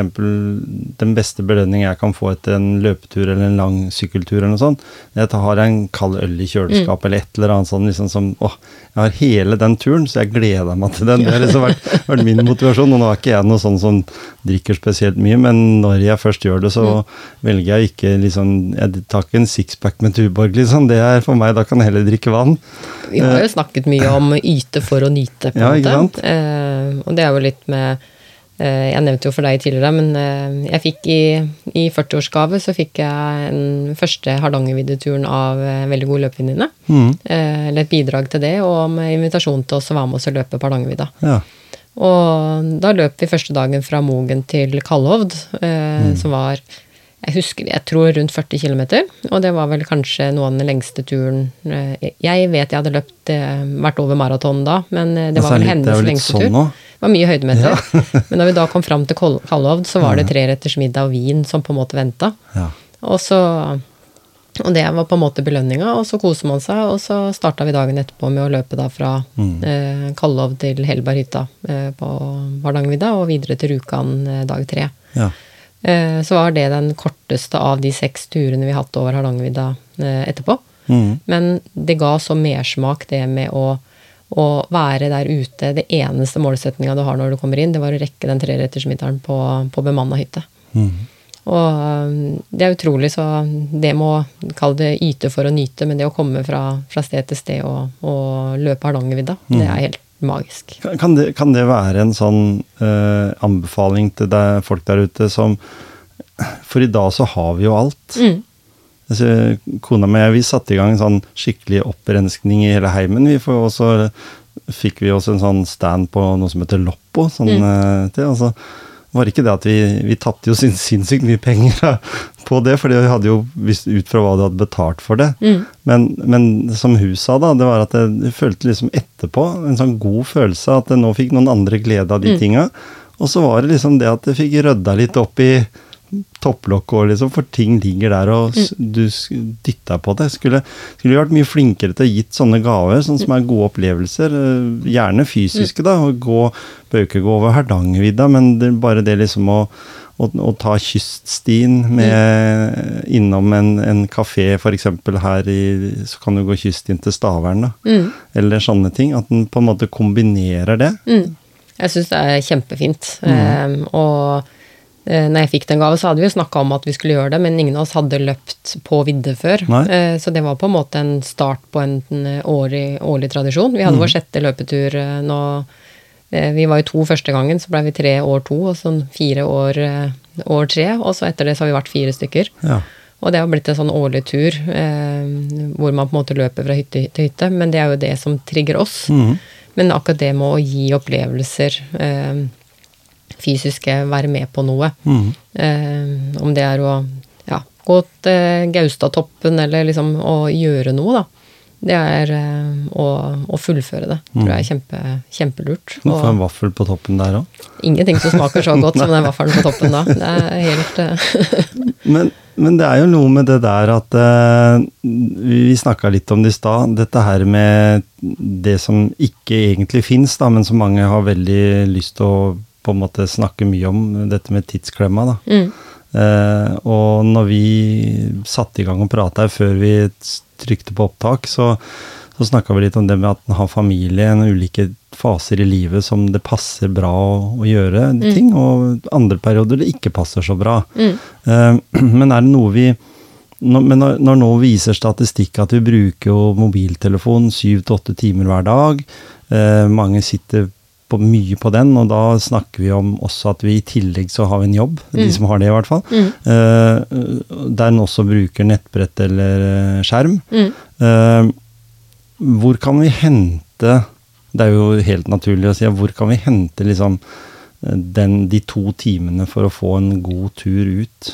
Eh, og da mener jeg liksom Du kan egentlig hente det hver dag, vet du. Syv dager i uka, hvis du bare sier. Men, men hvis en henter det da to dager i uka, da. Mm. Den begynner der og er litt sånn eh, realistisk på hva du føler er Så at ikke aktiviteten blir en stressfaktor. og så er det, det er jo som du sa, det er jo litt med kvalitetsklemma med hva, hvor man er en, i stadion. Da. Og da barna var små, så la de jo seg klokka seks og sju, og da var det ikke noe problem å løpe og være på aktiviteter etter at de hadde, eh, hadde lagt seg. Mhm. Eh, Men nå som de er 15 og 17, så legger de seg jo aldri, så det er liksom ikke etter. ja. Så da er, det ikke liksom, da er det ikke det som på en måte er avgjørende, men det er jo Nei. litt med, med å klare å tilpasse aktivitet ut ifra hvor man er, da. Mm. Og jeg nevnte jo for deg, men jeg har jo brukt mye av mine langdistanseturer eh, i, i transportetapper Mhm. eh, mellom aktiviteter til barna osv. Og jeg hadde også en samtale med, med de ved kjøkkenbordet for en stund siden med opplevelsen de har hatt med at ikke jeg nødvendigvis vært til stede alltid. Og da satt de litt som sånn spørsmålstegn, for eh, sønnen min som har drevet mye med BMX-sykling, og vi har vært mye i Østfold, så har jeg ofte sittet i bilen eh, med til Moss, og så har jeg hivd meg på sykkelen, og så sykla de siste mila til, til der løpet har vært. Mhm. Så jeg har kanskje ikke vært til stede under hele oppvarmingsfasen, men jeg har kommet til eh, Han har sykla løpet, så jeg har alltid vært til stede når løpet har vært gjennomført. Når det virkelig gjelder, ja. Mm. Ja, eller eh, levert datteren min på, på turntrening på Skien videregående, og da igjen tilbake til Gjellevannet rundt, da, men da kunne jeg løpe Gjellevannet rundt mens hun var på trening. Mm. Og så kom jeg tilbake til hun var ferdig, og så tusla vi hjem igjen sammen. Mm. Så, men det er jo litt fordi at jeg har hatt en genuin interesse av å få det til, så har jeg jo prioritert det. Så har det jo vært dager hvor det da har vært litt stress, hvor du skal liksom Du skal skifte på, på to små barn som skal være klare til aktiviteter, og du skal skifte selv, og du skal være klar, og det regner så du spruter, og liksom Du skal bruke litt mye energi på å få det til. Mm. Men hvis man trigges av det og motiveres av en aktivitet, så, så får man til det man vil. Ja, ikke sant? Eh, Hvilke elementer er det da, hvis vi snakker om det med inspirasjon? Du nevnte litt eh, om inspirasjon her til og med. Hva, hva for deg har vært den største inspirasjonskilden til det du har gjort? Hvis vi tar det, fordi vi skal Du har jo vært, gjort mindre nå, da, siden du har hatt, vært borti dette long covid. Eh, men, men hva er det som har inspirert deg til å gjennomføre de tinga, hvis vi spoler tilbake de 15 åra, eller i det tidsrommet der, da? Jeg har jo alltid hatt noe som jeg har vært eh, trigga av, og som jeg har lagt ned innsats til. til. Eh, før så spilte jeg volleyball og var på en måte lagspiller og og vært med på kretsmesterskap, regionsmesterskap og NM og også et eh, EM bak meg i sandvolleyball, så det er liksom, eller junior vel å merke, men Ja, ja. har liksom alltid gjort mye og, og brukt mye tid på å forbedre meg ut ifra mine egne ferdigheter. Mm. Men eh, eh, det å sette seg noen mål for å, for å nå det, og, og ja, noe som er realistisk, da, også nå, det tror jeg er viktig. Falt jeg nesten litt ut, og jeg vet ikke om jeg skal skylde på long-covid, men Ja. hva spørsmålet ditt var, så Ja? Vi, vi tar det en gang til. Nei da.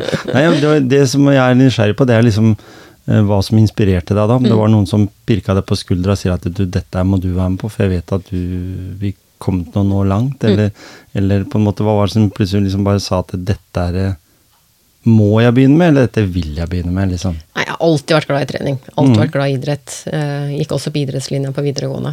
Eh, og, har trigges i av å se resultater. Jeg var nok mer resultatorientert som yngre, på en måte, det var viktig å vinne kampen eller å, å, å vinne over meg selv, da. Mhm. Men eh, eh, det å oppnå, no, oppnå noe eh, Jeg også skjønner at Og jeg, som, jeg er ingen sprinter, så jeg også skjønner at de fleste slår meg på en eh, 100 meter eller eh, 400 meter. Jeg er ikke rask i det hele tatt. Og da blir ikke jeg demotivert av å ikke stå øverst på pallen hvis jeg skulle løpt et kort løp. Men eh, da er det mer å vinne over meg selv. Kanskje slå min egen tid, eh, sette en personlig rekord på det. Så motivasjonen min endrer seg litt ut ifra hvilken type aktivitet jeg er i. Ja, for det er litt forskjell fra volleyballspilleren. Sissel, til uh, ultraløperen. Men allikevel så er det litt det med å, å vinne over seg selv, da. Men i et lagspill så er det jo at laget skal fungere, og man må være den beste versjonen som lagspiller uh, inn i ting. Mhm. Og man blir aldri bedre enn laget. Og det er litt det samme jeg sier når vi er ute og løper, at vi, vi er aldri sterkere enn det svakeste ledd. Men det svakeste leddet er ikke nødvendigvis den samme person hver gang. Eh, og når jeg sier svakeste ledd, så er ikke det en sånn negativ svakeste, men eh, når, hvis du er ute to eller fem eller ti stykker og løper sammen, så er det alltid en som er ganske mye bedre, og alltid en som er eh, mye svakere der man er. Og ja, sånn med de Hardangerviddeturene våre, da. Hun hunden som kanskje er svakest i terreng, det er hunden som er definitivt raskest på asfalt. Så det Ja. er litt det med at det, eh, noen ganger så er man i sitt rette element, og andre ganger så må man jobbe litt mer for å klare å, å, å være med. Ja. Så mm, det er jo litt også å spille på styrkene sine Mm. eh, der man er, da. Og, og da er vi jo inne på det med eh, for, for da merker jeg at med det vi har snakka sammen om nå, og sånn, så er det jo en lagspiller. Mm. Du er jo det, og da har vi jo liksom det elementet fra volleyball. Mm. Eh, Sandvolleyball blant annet, så var det jo også lag på en måte, men det var bare at den var ikke så mange på banen. Eh, og, og volleyball har jo her i distriktet har jo Hvis en ser sånn tidsperspektiv på det, så blir det litt feil, men sånn Vi har jo fotballtradisjon med Odd, men Mm. vi har jo enda større tradisjoner innen volleyball, blant annet.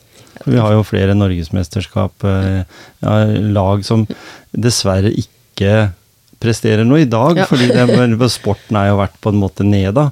Og så har det kanskje sandvolleyball blitt litt Mm. mer populært, og ser du baner rundt forbi, så, så er det jo en del sånne sandbaner rundt forbi som hele tida blir brukt om sommeren. Mm. Og så har det kommet nye aktiviteter inn, sånn som padel og sånn, som har rappa noen av de vekk fra det. Eller så har det frisbeegolf, og så har noen blitt tatt ifra det. Så det er jo kamp om mange sånne aktiviteter. Men dere har jo valgt da å være en gjeng. Mm. Enten dere er to, fire eller flere. Mm. Eh, og det er, blir jo på en måte en, en, en laginnsats. Da. Dere, dere er jo opptatt av det å løfte med selv det svakeste Mm. leddet. Og, og det er nok eh, Mange av de jeg løper med, vil nok ha sikkert ha sagt akkurat det. Mm. Fordi eh, når vi er ute og løper sånn tur, så er jeg veldig opptatt av at alle skal være med. Mm. Eh, og selv om eh, konkurranseinstinktet noen ganger sier at jeg helst har lyst til å ligge foran og, og, og dra, så er jeg veldig opptatt av at eh, man stopper opp og får med seg sistemann, og at man skal ikke begynne å løpe idet sistemann kommer inn. Den skal også da få lov til å få den lille pausa. Mhm. Eh, så det er jo litt med å være med å tilrettelegge og få, få flere med, da. Mm. Så jeg motiveres av å samle, samle gjengen. Så Samle jeg er nok en, Du er en lagspiller. jeg er nok en, eh, en lagspiller og, og prøver å få folk med, ja. Mm.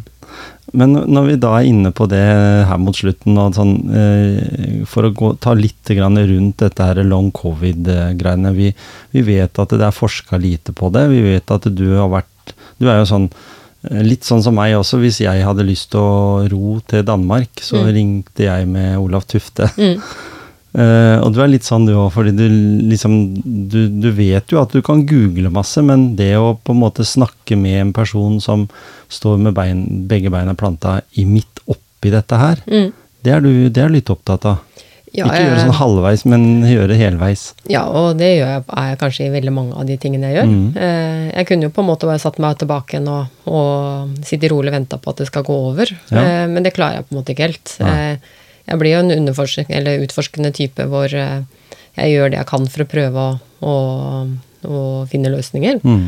Og litt inspirasjon til Nina, blant annet, som du har hatt her tidligere, og så videre, Mm. som har vært flink til å ta initiativ og ta, ta kontakt. Så har jeg også gjort det med eh, alt fra hjerneforsker på hva, om hun har noen gode råd på hva man kan gjøre, og eh, vært i kontakt med, med flere innenfor for feltet, på en måte. Mm. Eh, uten at noen har noen gode råd å, å gi. Og at man må bare tilpasse aktiviteten, og at ting tar tid. Og som utålmodig, da, så skulle jeg jo helst eh, hatt alle svar på bordet i dag, og ikke vente til i morgen eller om et år eller to. Og det er vanskelig å, å tilpasse seg at det, det kommer til å gå over. Men jeg vet jo også sjøl at for hver dag jeg ikke kommer i aktivitet, så går min fysiske form ned. Mm. Så veien tilbake til det jeg har gjort, vil jo bli veldig lang, om kanskje umulig. Det, det kommer litt an på hvor, eh, hvor man er. Ja, for her snakker vi jo liksom ikke om en, en kneskade som du på en måte bygger deg opp igjen, og så funker det. Nei. Her snakker vi om en dag som kan være en skikkelig rå dag. Du kan liksom føle gamle meritter bare er langt bak deg, fordi dette her, nå er det voldsomt med energi. Det, en har en positiv, en har en runners high da, i dette. Mm. Og så kommer da baksmellen. Ja, jeg kan ha dager som du sier at jeg kjempe, eller føler meg veldig oppå Mm. at, eh, at ting henger med. Og så eh, kan jeg ha dager hvor jeg kommer hjem fra jobb, og Mm. det eneste jeg orker, er å gå og legge meg opp på sofaen, og så kan jeg bli liggende eh, tre, fire, fem timer på sofaen Mm. Og så sover jeg ikke helt, men jeg er bare liksom Mm. eh, helt borte. Eh, får ikke med meg ting som skjer rundt. Eh, orker ikke å engasjere meg. Mm. Og det er ikke noe gøy å finne seg sjøl i, en- i en sånn situasjon, eh, når man egentlig elsker å være aktiv og, og, og trigges av å være aktiv. Mm. Så blir det litt sånn eh, Jeg skal ikke dra deprimeringskortet, men man blir jo litt nedstemt av å ikke få til eh, det man har lyst til. Og for min del så er det jo veldig mye sosialt. Det er veldig eh, eh, Jeg syns det er gøy å trene. Jeg trener ikke fordi at andre syns at jeg er sprek. Eh, jeg trener fordi jeg liker å gjøre det. Og så får man jo ikke vært med. Og eh, har prøvd å vært med på, på deler av turer eller skal være med på ting, men de, de, det er ikke noe veldig gøy å være sånn Nei, skal vi si når jeg løpt fem, da må jeg snu, ja. Det er ikke så veldig gøy å være det heller. Så blir det jo litt til at man eh, ikke isolerer meg, men jeg velger jo heller å ta en del av turen alene, fordi da mestrer jeg på mitt nivå istedenfor å ikke mestre på andres nivå. Mm.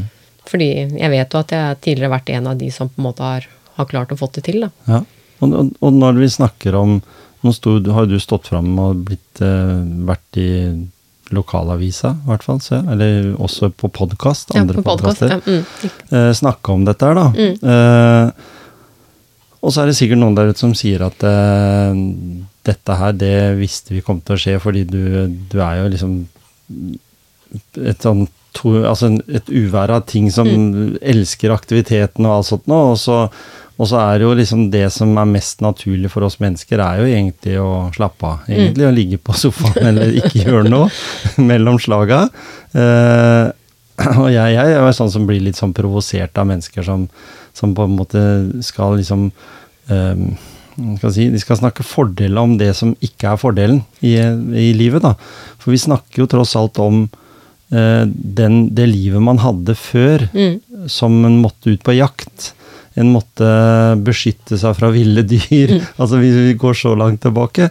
Eh, og det er jo ikke mer enn kanskje type 50-60 år, altså vår eh, foreldregenerasjon, som vokste opp på en helt annen måte. med at eh, Du hadde kanskje ikke bil.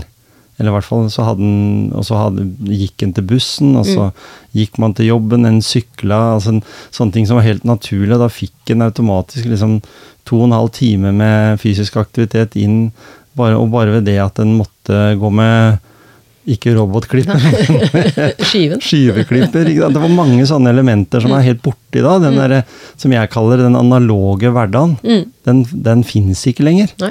Forskjellen når du er ute og løper, så har du en Garmin-klokke som sier til deg at nå må du øke tempoet, eller nå må Mm. du senke tempoet, eller restitusjonen, den skal jeg, jeg, jeg har sagt det kanskje en gang før i podkasten, men jeg var hos Olaf Tufte en gang, og da Han er jo ni år yngre enn meg, eller noe sånt. Eh, og han eh, Da sammenligna vi oss med Garmin-klokka, da. Mm. For jeg sa det at jeg, sist jeg var ute og trena, så måtte jeg ha 36 timers restitusjon. Mm.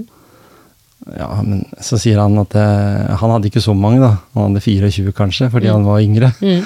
Men allikevel, jeg kan ikke bry meg om det, den tida der. Nei. Hvis jeg skal være toppidrettsutøver, så kan jeg ikke det. For hvis jeg skulle gjort det, så hadde jeg vært eh, bare sånn type drive, drive på fritida med, med sånn uh, av idrett for, som hobby, da. Så, så det er jo litt sånn at eh, vi blir litt styrt av teknologi. Jeg syns det er dritgøy. Jeg har jo vært hekta på det så lenge det har eksistert. Jeg, jeg hadde en av de første pulsklokkene med sånn snor her, og det var liksom det var så vidt jeg så display, for det var ikke lys. Jeg var liksom på det nivået der. Men jeg syns jo det var veldig spennende. Men det er kanskje en ubetydelig uvesentlig del eh, i forhold til den situasjonen du er i nå. Ja, samtidig som eh, jeg er jo aktiv bruker av, av klokke, og opplever akkurat det du sier, at jeg har utrolig mange forstår seg på det, på en måte som skal komme med, med råd, og så aner de ingenting, og så kommer de med råd ut ifra sine egne perspektiver, ikke ut ifra eh, en person som har vært veldig aktiv, eh, osv. Men eh, det er jo litt rart, fordi jeg våkner jo opp per i dag eh, Sånn som i dag, så hadde jeg 99 i body battery, og det er veldig veldig lenge siden jeg har hatt, egentlig. Men eh, nå har jeg lagt meg tidlig og liksom tatt det veldig med ro. Og var på Boven-terapi i går med, på hviletid, som også hjelper meg til å styrke søvnen. da. Mm. Eh, Men jeg har allikevel ikke energien eh, i kroppen til å gjennomføre det, så det har ikke noen ting med den utmattelsen på long covid har ikke bare noe å si på det kroppsbatteriet som er på, på, på klokka. For det, for det, er jo, når vi snakker om body battery, så er jo det noe Garmin har. Mm. En, en, funksjon som, som uh, kan fortelle deg om at nå er det gunstig for deg å trene mm. fordi da får du mer utbytte av trening osv. Eller nå har, er du i en god fysisk form en, og sånn. Uh, men når vi snakker om da den mentale helsa vår, da, som er sånn inne på det her i stad med 20, over 20 uh, av energien kroppen forbruker, den forbruker hodet, da. Mm. Uh, og når det er sånn at Jeg er også veldig glad i å lese bøker, mm. men jeg også tror nok at jeg hadde en liten to, lilletåa inn i long covid-tida. Og, og, har jo etter den tid slitt veldig med å lesebøker. Mm. Konsentrasjonsevnen min er på små bøker. Mm. Ja, det er sånn selvhjelpsbøker som jeg leser nå, det er sånne små bøker. Jeg er liksom, for den der, murstein mm. øh. Ja, jo, det er helt det, det, er kjemperart. Jeg, jeg, har aldri vært spesielt leseglad i utgangspunktet, men jeg har jo alltid lest eh, litteratur og mm. jo, er jo skikkelig nerd når det gjelder eh, dropp på sko eller eh, ja. Garmin-klokker eller eh, alt som har med, med aktiviteten min å gjøre. Mm. Og nå orker jeg liksom ikke å, å, lese det. Jeg får det ikke med meg, det som står. Eh, blir kjempesliten eh, med å mm. lese, så det er jo mm. største sovemedisin er jo å prøve å lese. fordi ja. da det, det, funker liksom ikke. Nei. Og det er ganske rart, og jeg kan ikke forklare det, men det snakkes jo mye om at eh, energiopptaket i mitrokondriene i cellene er mm. defekt. Og om det er det det er eller ikke, men det er litt sånn det føles, på en måte. Fordi ja. Eh, jeg våkner opp med, go med, god energi, og så eh, tar det utrolig kort tid før energien er brukt opp. Mm. Og så, så, lader på en måte eh, greit gjennom natta, men allikevel, når du våkner opp, så eh, Det føles egentlig litt å våkne opp fyllesyk. Ja. Eh, litt sånn Hodet er ikke helt med, man er trøtt, øynene tipper. Mm. Uh, uten at man egentlig forstår det, eller forstår hva man kan gjøre, da. Mm. Har, har, du noen noe tips uh, som du føler funker for deg, eh, som du tenker kanskje kunne funke for andre hvis de er i en sånn situasjon? For det er mange, mange der ute som ikke vet at de er i en sånn mm. situasjon eller heller. For det er jo ikke noe sånn at du kommer til legen, og så sier du det, nå er jeg det er så rart, fordi jeg har ikke noe energi. Jeg har gått nå i flere uker og måneder, og jeg mm. vet mm. ikke hva det er for noe med meg. Så vil jo den legen bare si at nei, jeg vet ikke så mye om det heller. jeg, jeg, har fått uh, mye god hjelp av to terapeuter på ja. OSS her i Skien. Eh, uh, både ei som heter Oddveig Myhre, som er en naturterapeut, som har jobbet mye med, med energiomsetning. Da. Mm, mm. og syns at helsekostpreparater har på en måte hjulpet for å bedre ting. Mm. og i hvert fall sånn i våres når jeg på en måte hadde det, da hjalp det meg veldig. Og så har jeg vært litt, litt sløvere akkurat nå, så jeg kutta litt fordi jeg skal starte på nytt igjen, bare for å se om jeg får, får den gode effekten igjen. Mm. Men der holder også eh, ei som heter Lucy til på boventerapi, mm. som går mye på, på, nervesystemet, og har vært med mye på boven hviletid, som egentlig er en kombinasjon av skal jeg si, meditasjon og, og behandling som går på nervesystemet. Mm. Eh, og vi nevnte jo litt her i stad i forhold til Garmin-klokker og sånne ting, så um, Torkel Færøen som har skrevet Pulskuren, mm. eh, han har også delt min pulsvariabel eh, etter at jeg var på Boven-terapi. For ja. jeg har ekstremt utslag eh, på terapi, eller på boven. Det vil si at eh, jeg går så i ro og er i så hvile på, mens jeg er under den behandlinga. Mm. Og kan komme på en måte være veldig stressa og at det er mye som har skjedd. og så ligger jeg nede på det laveste av stressnivå under den behandlingstimen. Og så ser du liksom at jeg går opp igjen og går tilbake inn i hverdagen med at ting skjer, og mm. går rett opp igjen i stress. Så det har vært på eh, Ikke nå når jeg nødvendigvis var der i går, fordi da hadde jeg hatt en litt rolig dag i utgangspunktet. Men mm. eh, eh ofte så har jeg kommet inn sånn, litt sånn høyt stressa og liksom skal rekke mye. Utrolig rart å se hvor mye hvile gjør der, da. Ja, ikke sant? Og det sier jo også nå forskere på en måte at meditasjon og hvile er viktig for å, å koble av. Mm. Mens veldig mange av oss er jo litt ferdige til å gjøre akkurat det du sa, at vi mm. går inn ned i mobiltelefonen eller PC-en mm. eller TV-en når vi skal slappe av. Men hjernen vår slapper veldig, veldig sjelden av. Mm. Så det å slappe av i, i hjernen, da, på en ja. måte ikke stimulere, og det er vel også kanskje derfor jeg har gått utbytte av å gå turer i skog og mark. Mm. Eh, hvor jeg velger å slå av lyden på mobiltelefonen og, og, bare være til stede der jeg er. Mm. At det hjelper.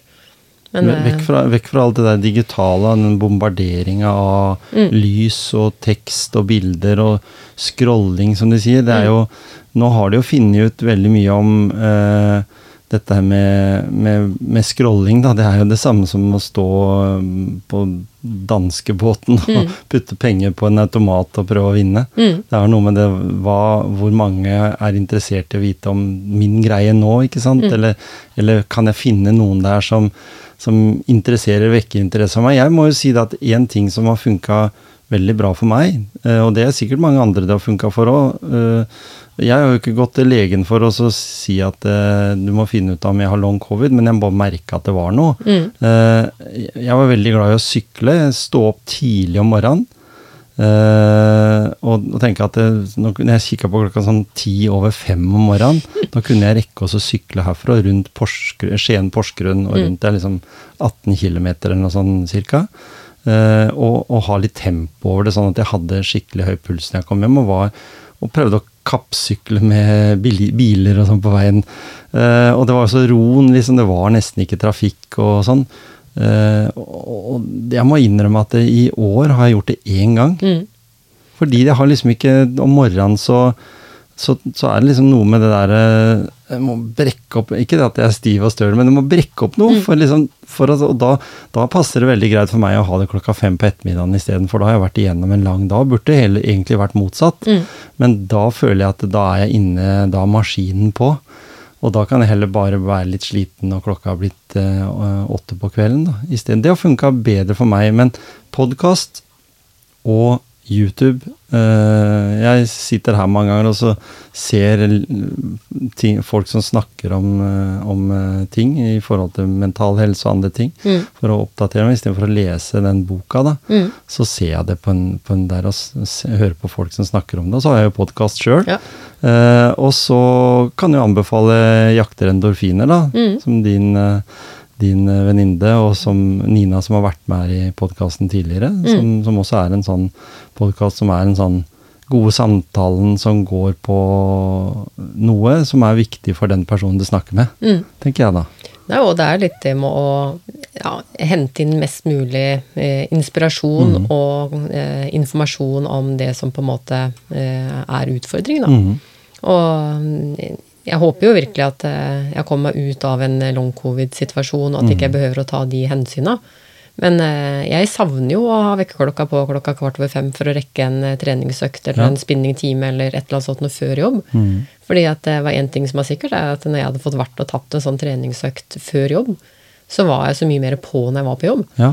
Så kan det hende at det var litt sånn trøtt og slitsomt å på en måte stå opp noen ganger. Mm. Men da legger man seg jo også litt i forhold til når man har stått opp, og Mm. det funka veldig godt. Mens nå er det helt utopi å stå opp på den tidspunktet. Mm.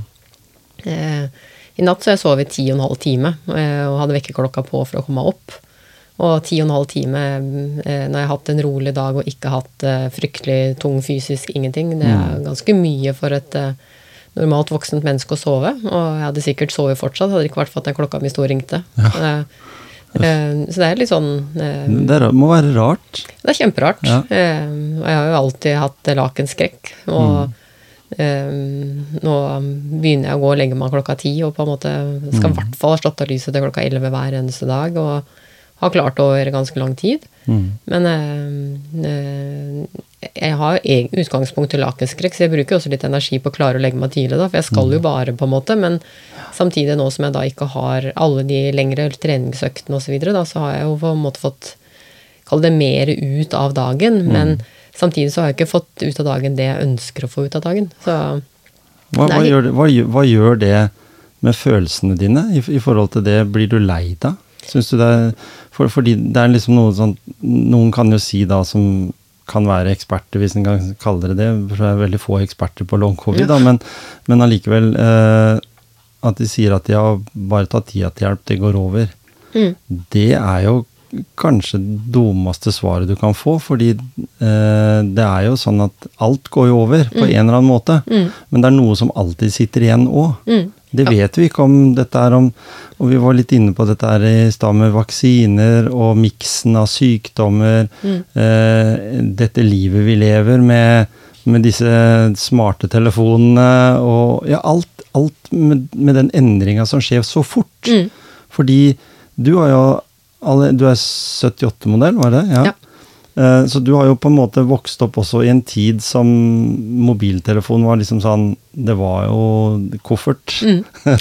så det har jo rekt liksom å leve fra den tida der. Og, hvis, du, hvis en snakker med eldre mennesker som har, har levd til og med når det var sånn du ringte opp sentralen så, så, så er det bare på telefonnivå, men tenk på alt det andre. Vi kjører mer avanserte biler. Vi, hodet vårt behøver egentlig ikke å være på Nei.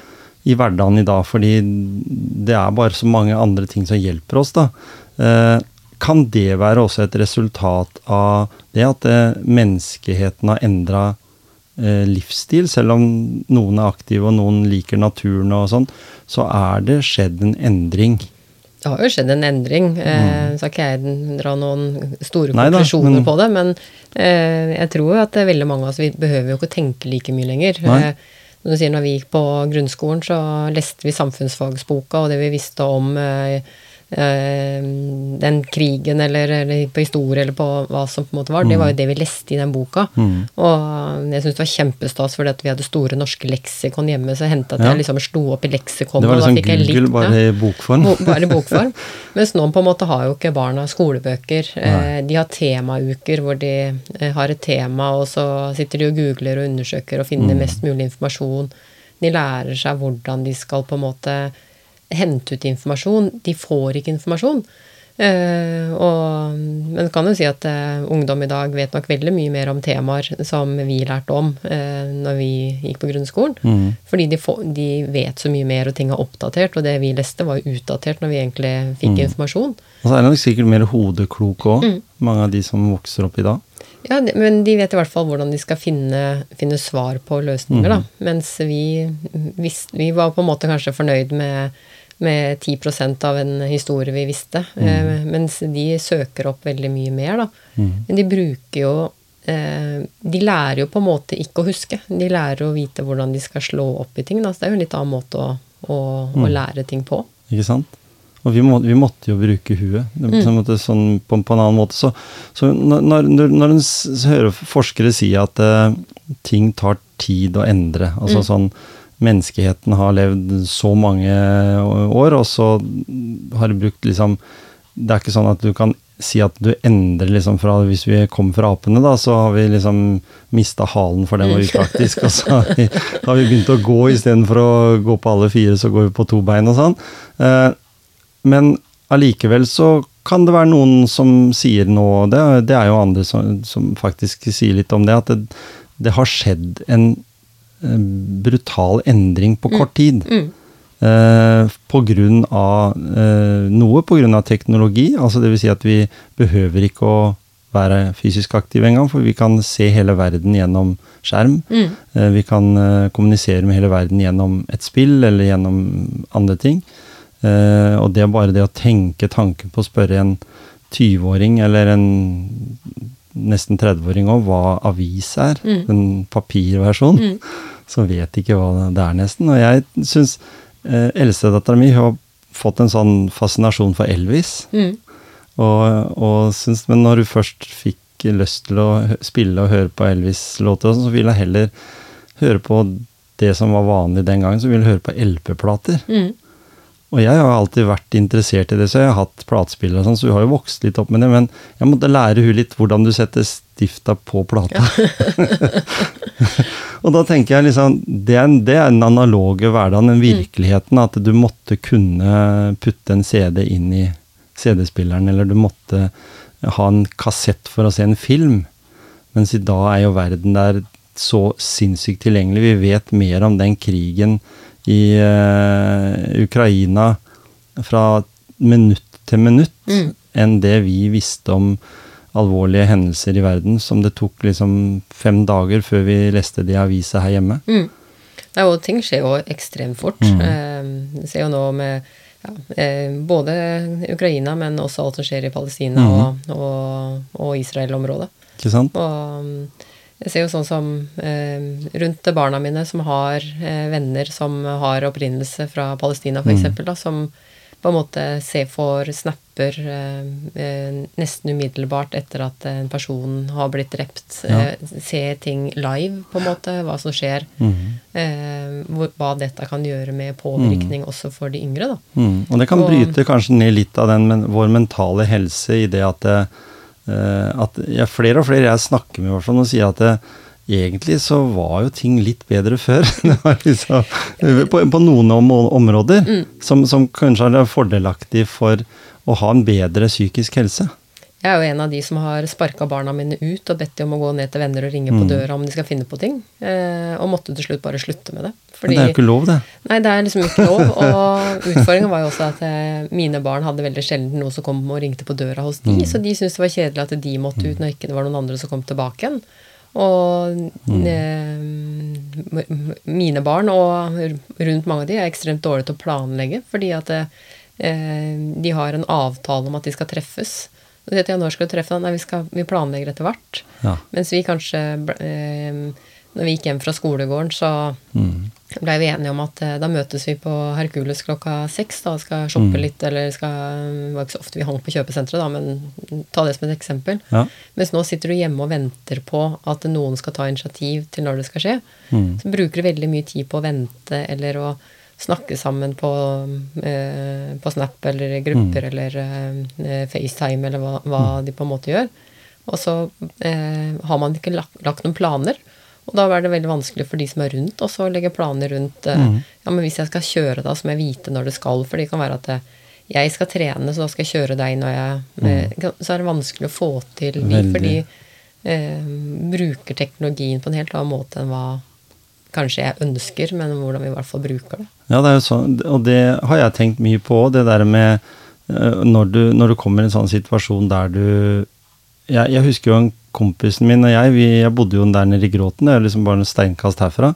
Eh, og hvis vi hadde en avtale da etter skolen at vi skulle møtes på lekeplassen, spille fotball på Løkka og greier, så skulle vi møtes der klokka fem. Og hvis ikke han kom klokka fem, så var det noe gærent. Men i dag så utsetter vi liksom. Jeg står her og venter, jeg er litt forsinka. Og, og det går jo helt ned på influensernivå. Det er jo som mennesker som eh, promoterer på TikTok og andre sosiale medier. Og det var det jeg ville fram til, liksom om det gjør endringa vår. Har ingenting med long covid eller andre ting å gjøre, men at hjernen vår eh, blir rasert, hvis en skal si, bruke et så sterkt ord, da, på en annen måte enn det den gjorde før, når den hadde mange sånne Bowen-øyeblikk, fordi det, det var helt naturlig i, i samfunnet. Når, når TV var ferdig, så var det fordi da jeg var ungdom, så da var liksom siste programmet Det slutta ti på halv åtte. Mm, du hadde barne-TV fra seks til Ja, 7, det var var ikke noe midt, annet. midt i smørøyet på lørdagen. Ja, alle samla seg, hele storfa altså familien samla seg om det de skulle oppleve. Og i dag så opplever vi noe hele tida. Er hviletida for kort? Er det sånn at vi- hvis den skog, skogsturen som du tok, da mm. Jeg ser jo eh, barnebarna mine, da. De er, hun ene går på i første klasse nå, hun andre har veldig lyst til å begynne på skolen, men de går i barnehage. Mm. og, og de sier jo det når vi, vi tok en sånn tenkte at nei, nå er vi så lei av å dra på sånne åpne gårder, og sånn, selv om det er gøy det òg, eller, eller finne på noe som koster så veldig mye. Så vi tok da eh, og pakka en sekk med kakao og med mat og sånn, og så dro vi Først så var vi på en sånn fuglekikkertårn oppe i Gjerpen, og så dro vi til Ibsen vennstøp. Og da kunne jo jeg, da, som er litt sånn historieinteressert, fortelle litt om området. De var jo ikke interessert i det, men allikevel. da, da følte jeg at jeg var liksom bestefaren som bryr seg om å ta med barna eller barnebarna ut i, i naturen. Da. Jeg var jo så busy når jeg hadde egne små barn at jeg knapt nok rakk eh, halvparten av det jeg skulle. Men, men i hvert fall så- tenkte jeg det at det, hva er det verdifulle? Det er liksom interessant å tenke hva hvis jeg spør de om 20 år? Hva som betydde noe. For når jeg spør mine barn i dag hva som betydde mest, så sier de pappa, det når vi dro opp i, ved Geiteryggen der og grilla pølser. Ja, men når vi var i Disneyland Paris, da. Å ja, jo, vi var jo det, ja, men det var liksom ikke det som var greia. Da, da tenker jeg Trenger vi mer pauser? Trenger vi å kjede oss litt mer? Trenger å være litt rolig? Jeg tror det var sunt at vi satt hjemme på, på, på trappa og, og, var usikre på hva vi skulle gjøre. At vi Mm. måtte liksom være kreative for å finne på noe for å ha noe å Mm. gjøre. Det tror jeg nok har vært, eh, vært bra. Og så kan det nok hende at vi hadde godt av litt annen type stimuli enn det vi fikk Ja. eh, noen ganger òg. Men eh, nå så behøver man jo ikke å gjøre det. Men Nei. akkurat det du refererer til, det er også min opplevelse. At det, Mm.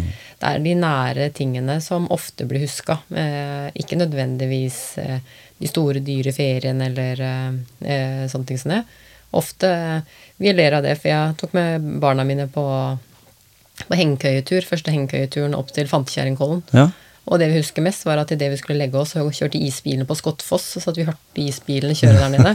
Og det liksom, vi var ikke lenger ute i skogen enn at du var ganske nært. Eh, men det er noen sånne, sånne små bagateller som egentlig huskes bedre enn enn de fine feriene eller den fornøyelsesparken eller mm. andre ting da, som bare blir en del i mengden. Mens eh, noe av de nære tinga husker man kanskje bedre. Ja, jeg har jo krabba i lyngen uh, på vei til Visteinkjenna for å se om ikke vi fant noe sånt. For det, det er ett sted vi var det fant Kjernekollen, tror jeg, som vi fant sånne figurer som var satt ut.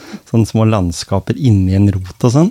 Og de syntes jo det var så utrolig gøy. Så vi har da så krabba det opp ved Visteinkjenna fordi jeg hadde lagt, kjøpt noen sånn, sånn nisse, pose med sånn nisseeffekt, sånn trapp og en sånn uh, nisselykt og sånn, som jeg da hadde lagt som vi bygde inne i en rot da, der oppe. Og det, når vi har gått tur Å ja, morfar, var det her vi lagde den, den eh, nisse... Eller den musehula, eller et eller annet sånt. Så det er liksom sånne små, små ting. De, de barnebarna vokser jo opp med nettbrett som barnevakt i perioder. Og, og kan jo det, det mediet der noe så sinnssykt bra. De blar opp og finner informasjon innafor det de har viten og ønske om å, å finne ut av. Så det er klart at informasjonsstrømmen den går jo inn i hjernen og på en måte gjør de på en måte kanskje klokere på mange områder. Eh, Men allikevel så er vi mennesker eh, analoge vesen. Mm, jeg tror vi kanskje har litt sånn overstimuli mange ganger, da. Eh, og for min egen del, som har vært mye i skog og løpt og vært mye borte, så har jeg, selv om jeg har vært aktiv på sosiale medier osv., så, videre, så har jeg også hatt eh, perioder hvor eh, jeg har vært eh, av de tingene. Så jeg setter jo kanskje mer og mer pris på, på de nære tingene selv, da. Og det å komme seg ut i skog og mark og, og avsosialisere litt. Ja. Eller eh, både sånn i forhold til alt som skjer med eh, aviser og medier og, og, og sånne ting som det. Er, du- er du god på å visualisere? Synes, for det er noe som jeg, synes, jeg personlig syns er veldig spennende. Nei, jeg er vel egentlig ikke det, for jeg er en litt sånn sansende type som liker å ta og føle på ting, og er ikke så eh, eh, visuell og kan tenke meg til hvordan ting skal for så vidt sånn sett være. Men når, du gjør, men når du gjør sånne lange løp, da Mm. eh, la, Altså ruta du løper Du har løpt deg kanskje før, eller noe tilsvarende, og du skal løpe liksom da ti mil, Mm. eh, mil eh, Og du kunne da på en måte vurdert løypetraseen, Skogvokteren Ultra for eksempel, som er en sånn veldig kupert uh, sak. Mm. Uh, kunne du bruke noen av de tidligere erfaringene til å gjøre den opplevelsen enda litt bedre? Ja, for det, er- det er jo litt med som du sier, da kan man jo løypa og, Mm. og litt sånne ting som det. Og så setter man jo gjerne noen sånne punkter, da. At det å nå eh, Siljan og det å nå eh, Geitebu og Mm. sånne ting, da. At du har noen sånn, sånn type, kall det visuelt, da. Ja. Men det kan godt kalle det visuelt, men for meg så blir det sånn praktisk. Fordi jeg vet hvor det er, og jeg vet at eh, da er jeg på det høyeste punktet, eller da er det nedover, eller Mm. Så det, det er jo for så vidt å visualisere, men eh, det er også harde fakta. ja, og da, da er det, den, det er litt den der følelsen der du lengter etter å få tilbake, da. Som du har mista litt nå i, i forhold til long coviden og, og den mentale helsa di som har vært litt rufsete etter Ja, det om å Sykdommen. kun, kunne strekke seg eh, i, imot det, og det at eh, Som du sa innledningsvis, at eh, det sitter i hodet på en måte på det å klare å gjennomføre ting. Og nå har jeg på en måte ikke det med meg i forhold til den energien som er borte, da. Og eh, den hjernehelsa som på en måte blir snakka mye om at eh, er svekka. Eh, som ingen har noe, i hvert fall så vidt meg bekjent, eh, noen god løsning på hva man kan gjøre for å, å komme tilbake igjen. Så selv om ikke jeg på en måte vil si at det er en dårlig psykisk helse, så blir man jo litt sånn nedstemt av å ikke få til ting. Så det er jo en, en dårligere psykisk helse i, i, i den forstand, da. Men det å på en måte å kjenne på mestring, da, og få til de målene man setter seg, og at det fungerer. Og så skal jeg jo ikke si at alt er svart hele tiden, på en måte, fordi det er jo visse dager hvor ting fungerer litt bedre. Men eh, for eh, noen måneder siden så sa jeg at jeg anså meg selv egentlig å være tilbake 70% At jeg på en måte var fortsatt redusert, men fordi at jeg har hatt mye energi og hatt mye overskudd, så kan nok hende at mange opplevde at jøss, nå er du fin og frisk, og jeg ser du er ute og løper igjen, og så videre. Og så, så, måtte jeg si at jeg løper for å bli frisk. Ja, ikke sant? Eh, for å på en måte å, å bygge meg opp igjen. Mm. Eh, og da var det ikke alle som ser det at det at jeg da har vært ute 25 km, da må jeg jo være frisk igjen. Mm, ja. Men at det var noe jeg måtte gjøre for å, å klare å bygge meg, meg, høyere opp, da. Ja, og mange av de du snakker om der, er jo de som ville strevd på en tre kilometer. Mm. Ja, fordi de, de, skjønner ikke kanskje egentlig helt hva det er. Mm. Og eh, for meg så er det mye god psykisk helse av å være ute i aktivitet over mm. lengre tid. Fordi jo, jeg kommer hjem fra, fra, lange løpeturer og har behov da for å innta sofaen litt, og at du er sliten, og eh, kanskje unner man seg litt ekstra snop eller godteri eller god mm. mat når man kommer tilbake fra den turen. Men så det, tar det ikke så lang tid før jeg da er eh, veldig på. Ikke sant? Eh, det er etter lange løpeturer. Det er da jeg vasker huset og har fire vaskemaskiner pågående mens du lager middag. og liksom, du, du, gjør alle ting. Ikke sant? Mens nå så er det liksom sånn én ting av gangen. Ikke begynt på tre, for da har du ikke fullført noen ting den dagen med. Og det er kjempevanskelig å forholde seg til, fordi jeg er vant til å på en måte sette i gang veldig mye. Mm. Og det har jeg jo periodevis også gjort. Og så kommer de andre hjem fra jobb og, og skole, og så har jeg starta med eh, ja, veldig mange ting. Men så klarer jeg ikke å få det fullført, og så er det de som må fullføre. Så mm. nå prøver jeg på en måte å være flinkere Kall det å si nei, men eh, det å gjøre én ting av gangen og fullføre den oppgaven, da. Mm. Og så mm, kan jeg godt si ja i dag fordi jeg føler meg fin, og så kommer jeg til i morgen, så er jeg ikke fin. Nei. Så nå skjønner jeg jo liksom med de som bruker mye tid på å hvile hjemme for å orke å gå på kafé, mens det du ser da, er jo at eh, hun sitter på kafé og tenker 'jøss, er ikke hun sjuk, hvorfor sitter hun her?' Men du ser ikke at hun kanskje har brukt tre timer for å komme seg dit. Nei, og den, det kjenner jeg også litt på. At jeg bruker mye tid på å hvile meg inn i mm. det jeg skal få til. Og så kanskje har, har, vi kanskje da at noe vi må ta mer tak i, det er hjernehelsa vår, da. Mm. At den, det har blitt viktigere, i og med at vi har endra livsstilen på mange områder. Mm. Det gjelder generelt menneskeheten, da, hvis en mm. tar alle under, under, det og sier at det med teknologi og tilgjengelighet og, og redusert aktivitet, så stimuleres vi på en annen måte. Da må vi også ta hjernehelsa vår på, mer på alvor, med de diagnoser som kommer fram nå, som, som viser at det er, det, er, det er, mange flere som har ulike diagnoser, og det er kanskje helt naturlig, men vi på en måte nå ser vi det litt mer fordi det blir så tydelig. Mm. Jeg har brukt mye, si, sett mye på, eller hørt mye på eh, biohacking-podkast, og mm. liksom de som eh, gjør litt andre ting, da. Mm. Eh, og så er jeg definitivt ikke mot eh, norsk helsevesen og leger osv., men det å bruke komplementærmedisin og se litt andre ting eh, mm. Fordi eh, Vi nevnte litt tidligere at forskning skal liksom ligge, og det skal ligge forskningsrapporter på forskningsrapport mm. før det blir anerkjent eh, i utgangspunktet av veldig mange norske leger, og før det blir introdusert som en behandling eller en eh, medikament eller hva som helst. Mens på alternativ medisin eller komplementærmedisin så eh, er man åpen for å prøve litt andre ting og Mm. ser litt andre ting. Da. Men så er det kanskje ikke forska på, men eh, gamle medisinere eller eh, heksa som på en måte eh, hadde gode Mm. eh, urter eller hva som helst. da. Ja. Eh, jeg tror at det ligger mye god healing i, i, i andre ting Mm. enn en kjemisk fremstilt eh, tablett som du skal ta i munnen.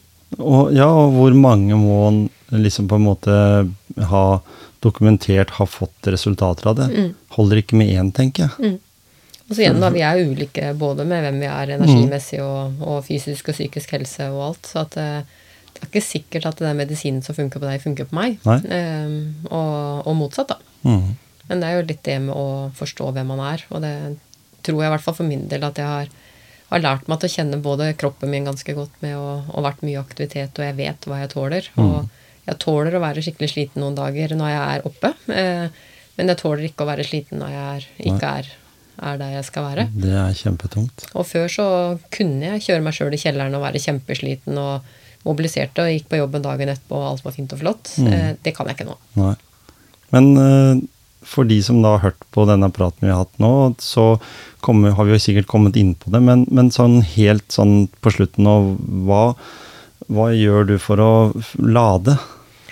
Nei, jeg bruker dessverre litt for mye tid på sofaen, da. Ja, ikke sant? Akkurat en- nå Det, ja, det er er, det en, det. det er Mm. en ti, ting jeg gjør for å lade. Ikke sant? Eh, jeg prøver rett og slett å holde meg litt unna av for mye lyd. Så Mm. at det, når jeg går på og er litt hjemme og sånt nå, så sitter jeg ikke nødvendigvis og ser på TV.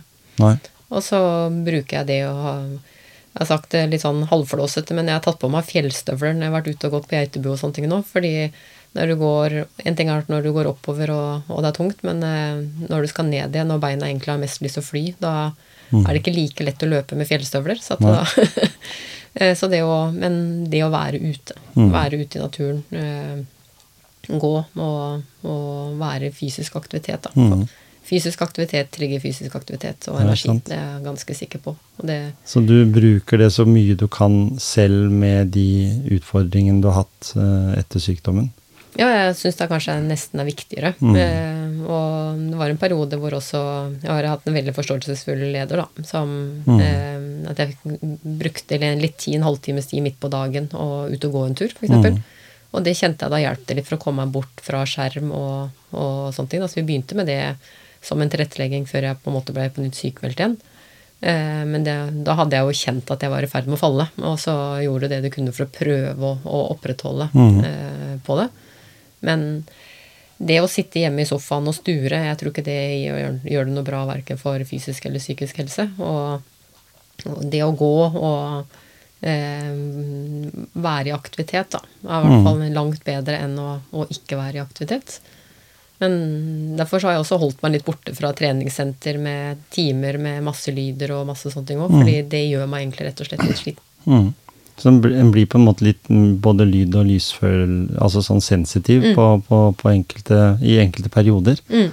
Mm. Så jeg trekker meg jo litt bort fra sosiale settinger som jeg normalt sett tidligere har oppsøkt. Mm. Eh, og det er litt kjedelig, men det har liksom vært et eh, behov for å gjøre det eh, i, i sånn som situasjonen er, da. Mm. Og det er jo veldig mange rundt meg som egentlig heller ikke helt skjønner det, på en måte, fordi de er vant til å se meg i en helt annen situasjon og posisjon Ja. eh, enn det jeg på en måte er i dag. Og du sa, du sa at vi sjøl sammenligner oss selv kanskje med den beste utgaven eh, hva man har gjort, Mhm. men det gjør jo de rundt deg òg. Ja. Så det er litt sånn Det føles at man må eh, kjempe eh, for det, den man er, og det man Mm. eh, eh, har blitt, da. Ja. Eh, Istedenfor at det, det bare er aks aksept. Mm. Så går det an å si sånn på slutten her, sånn som Arnold Schwarzenegger sa, I'll be back. I'll be back. Definitivt. Det er definitivt målsettinga å, Ja. å skulle stå på startstreken på et ultraløp igjen. Også om det skjer i 2024 eller 2030, det får tiden ja, vise. Mm. Kjempehyggelig å prate med deg. Veldig motiverende å få vite litt mer om deg og det vi har snakka om nå. Når vi snakka om, om mange ting, Mange- så håper, ting, håper jeg at noen blir kloke på dette her og, og kan dra nytte av det og bli motivert. Mm. Ja. Tusen takk for at du kom til motivasjonspreik. Takk for at jeg fikk lov å være med.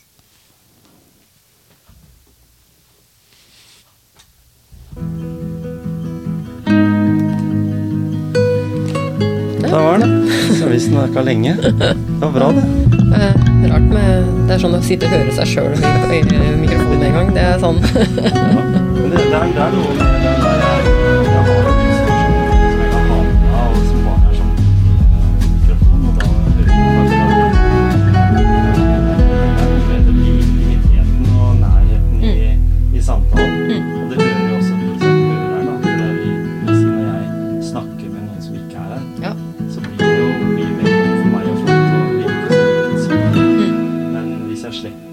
liksom, det gjør jeg når jeg er i studio. ja.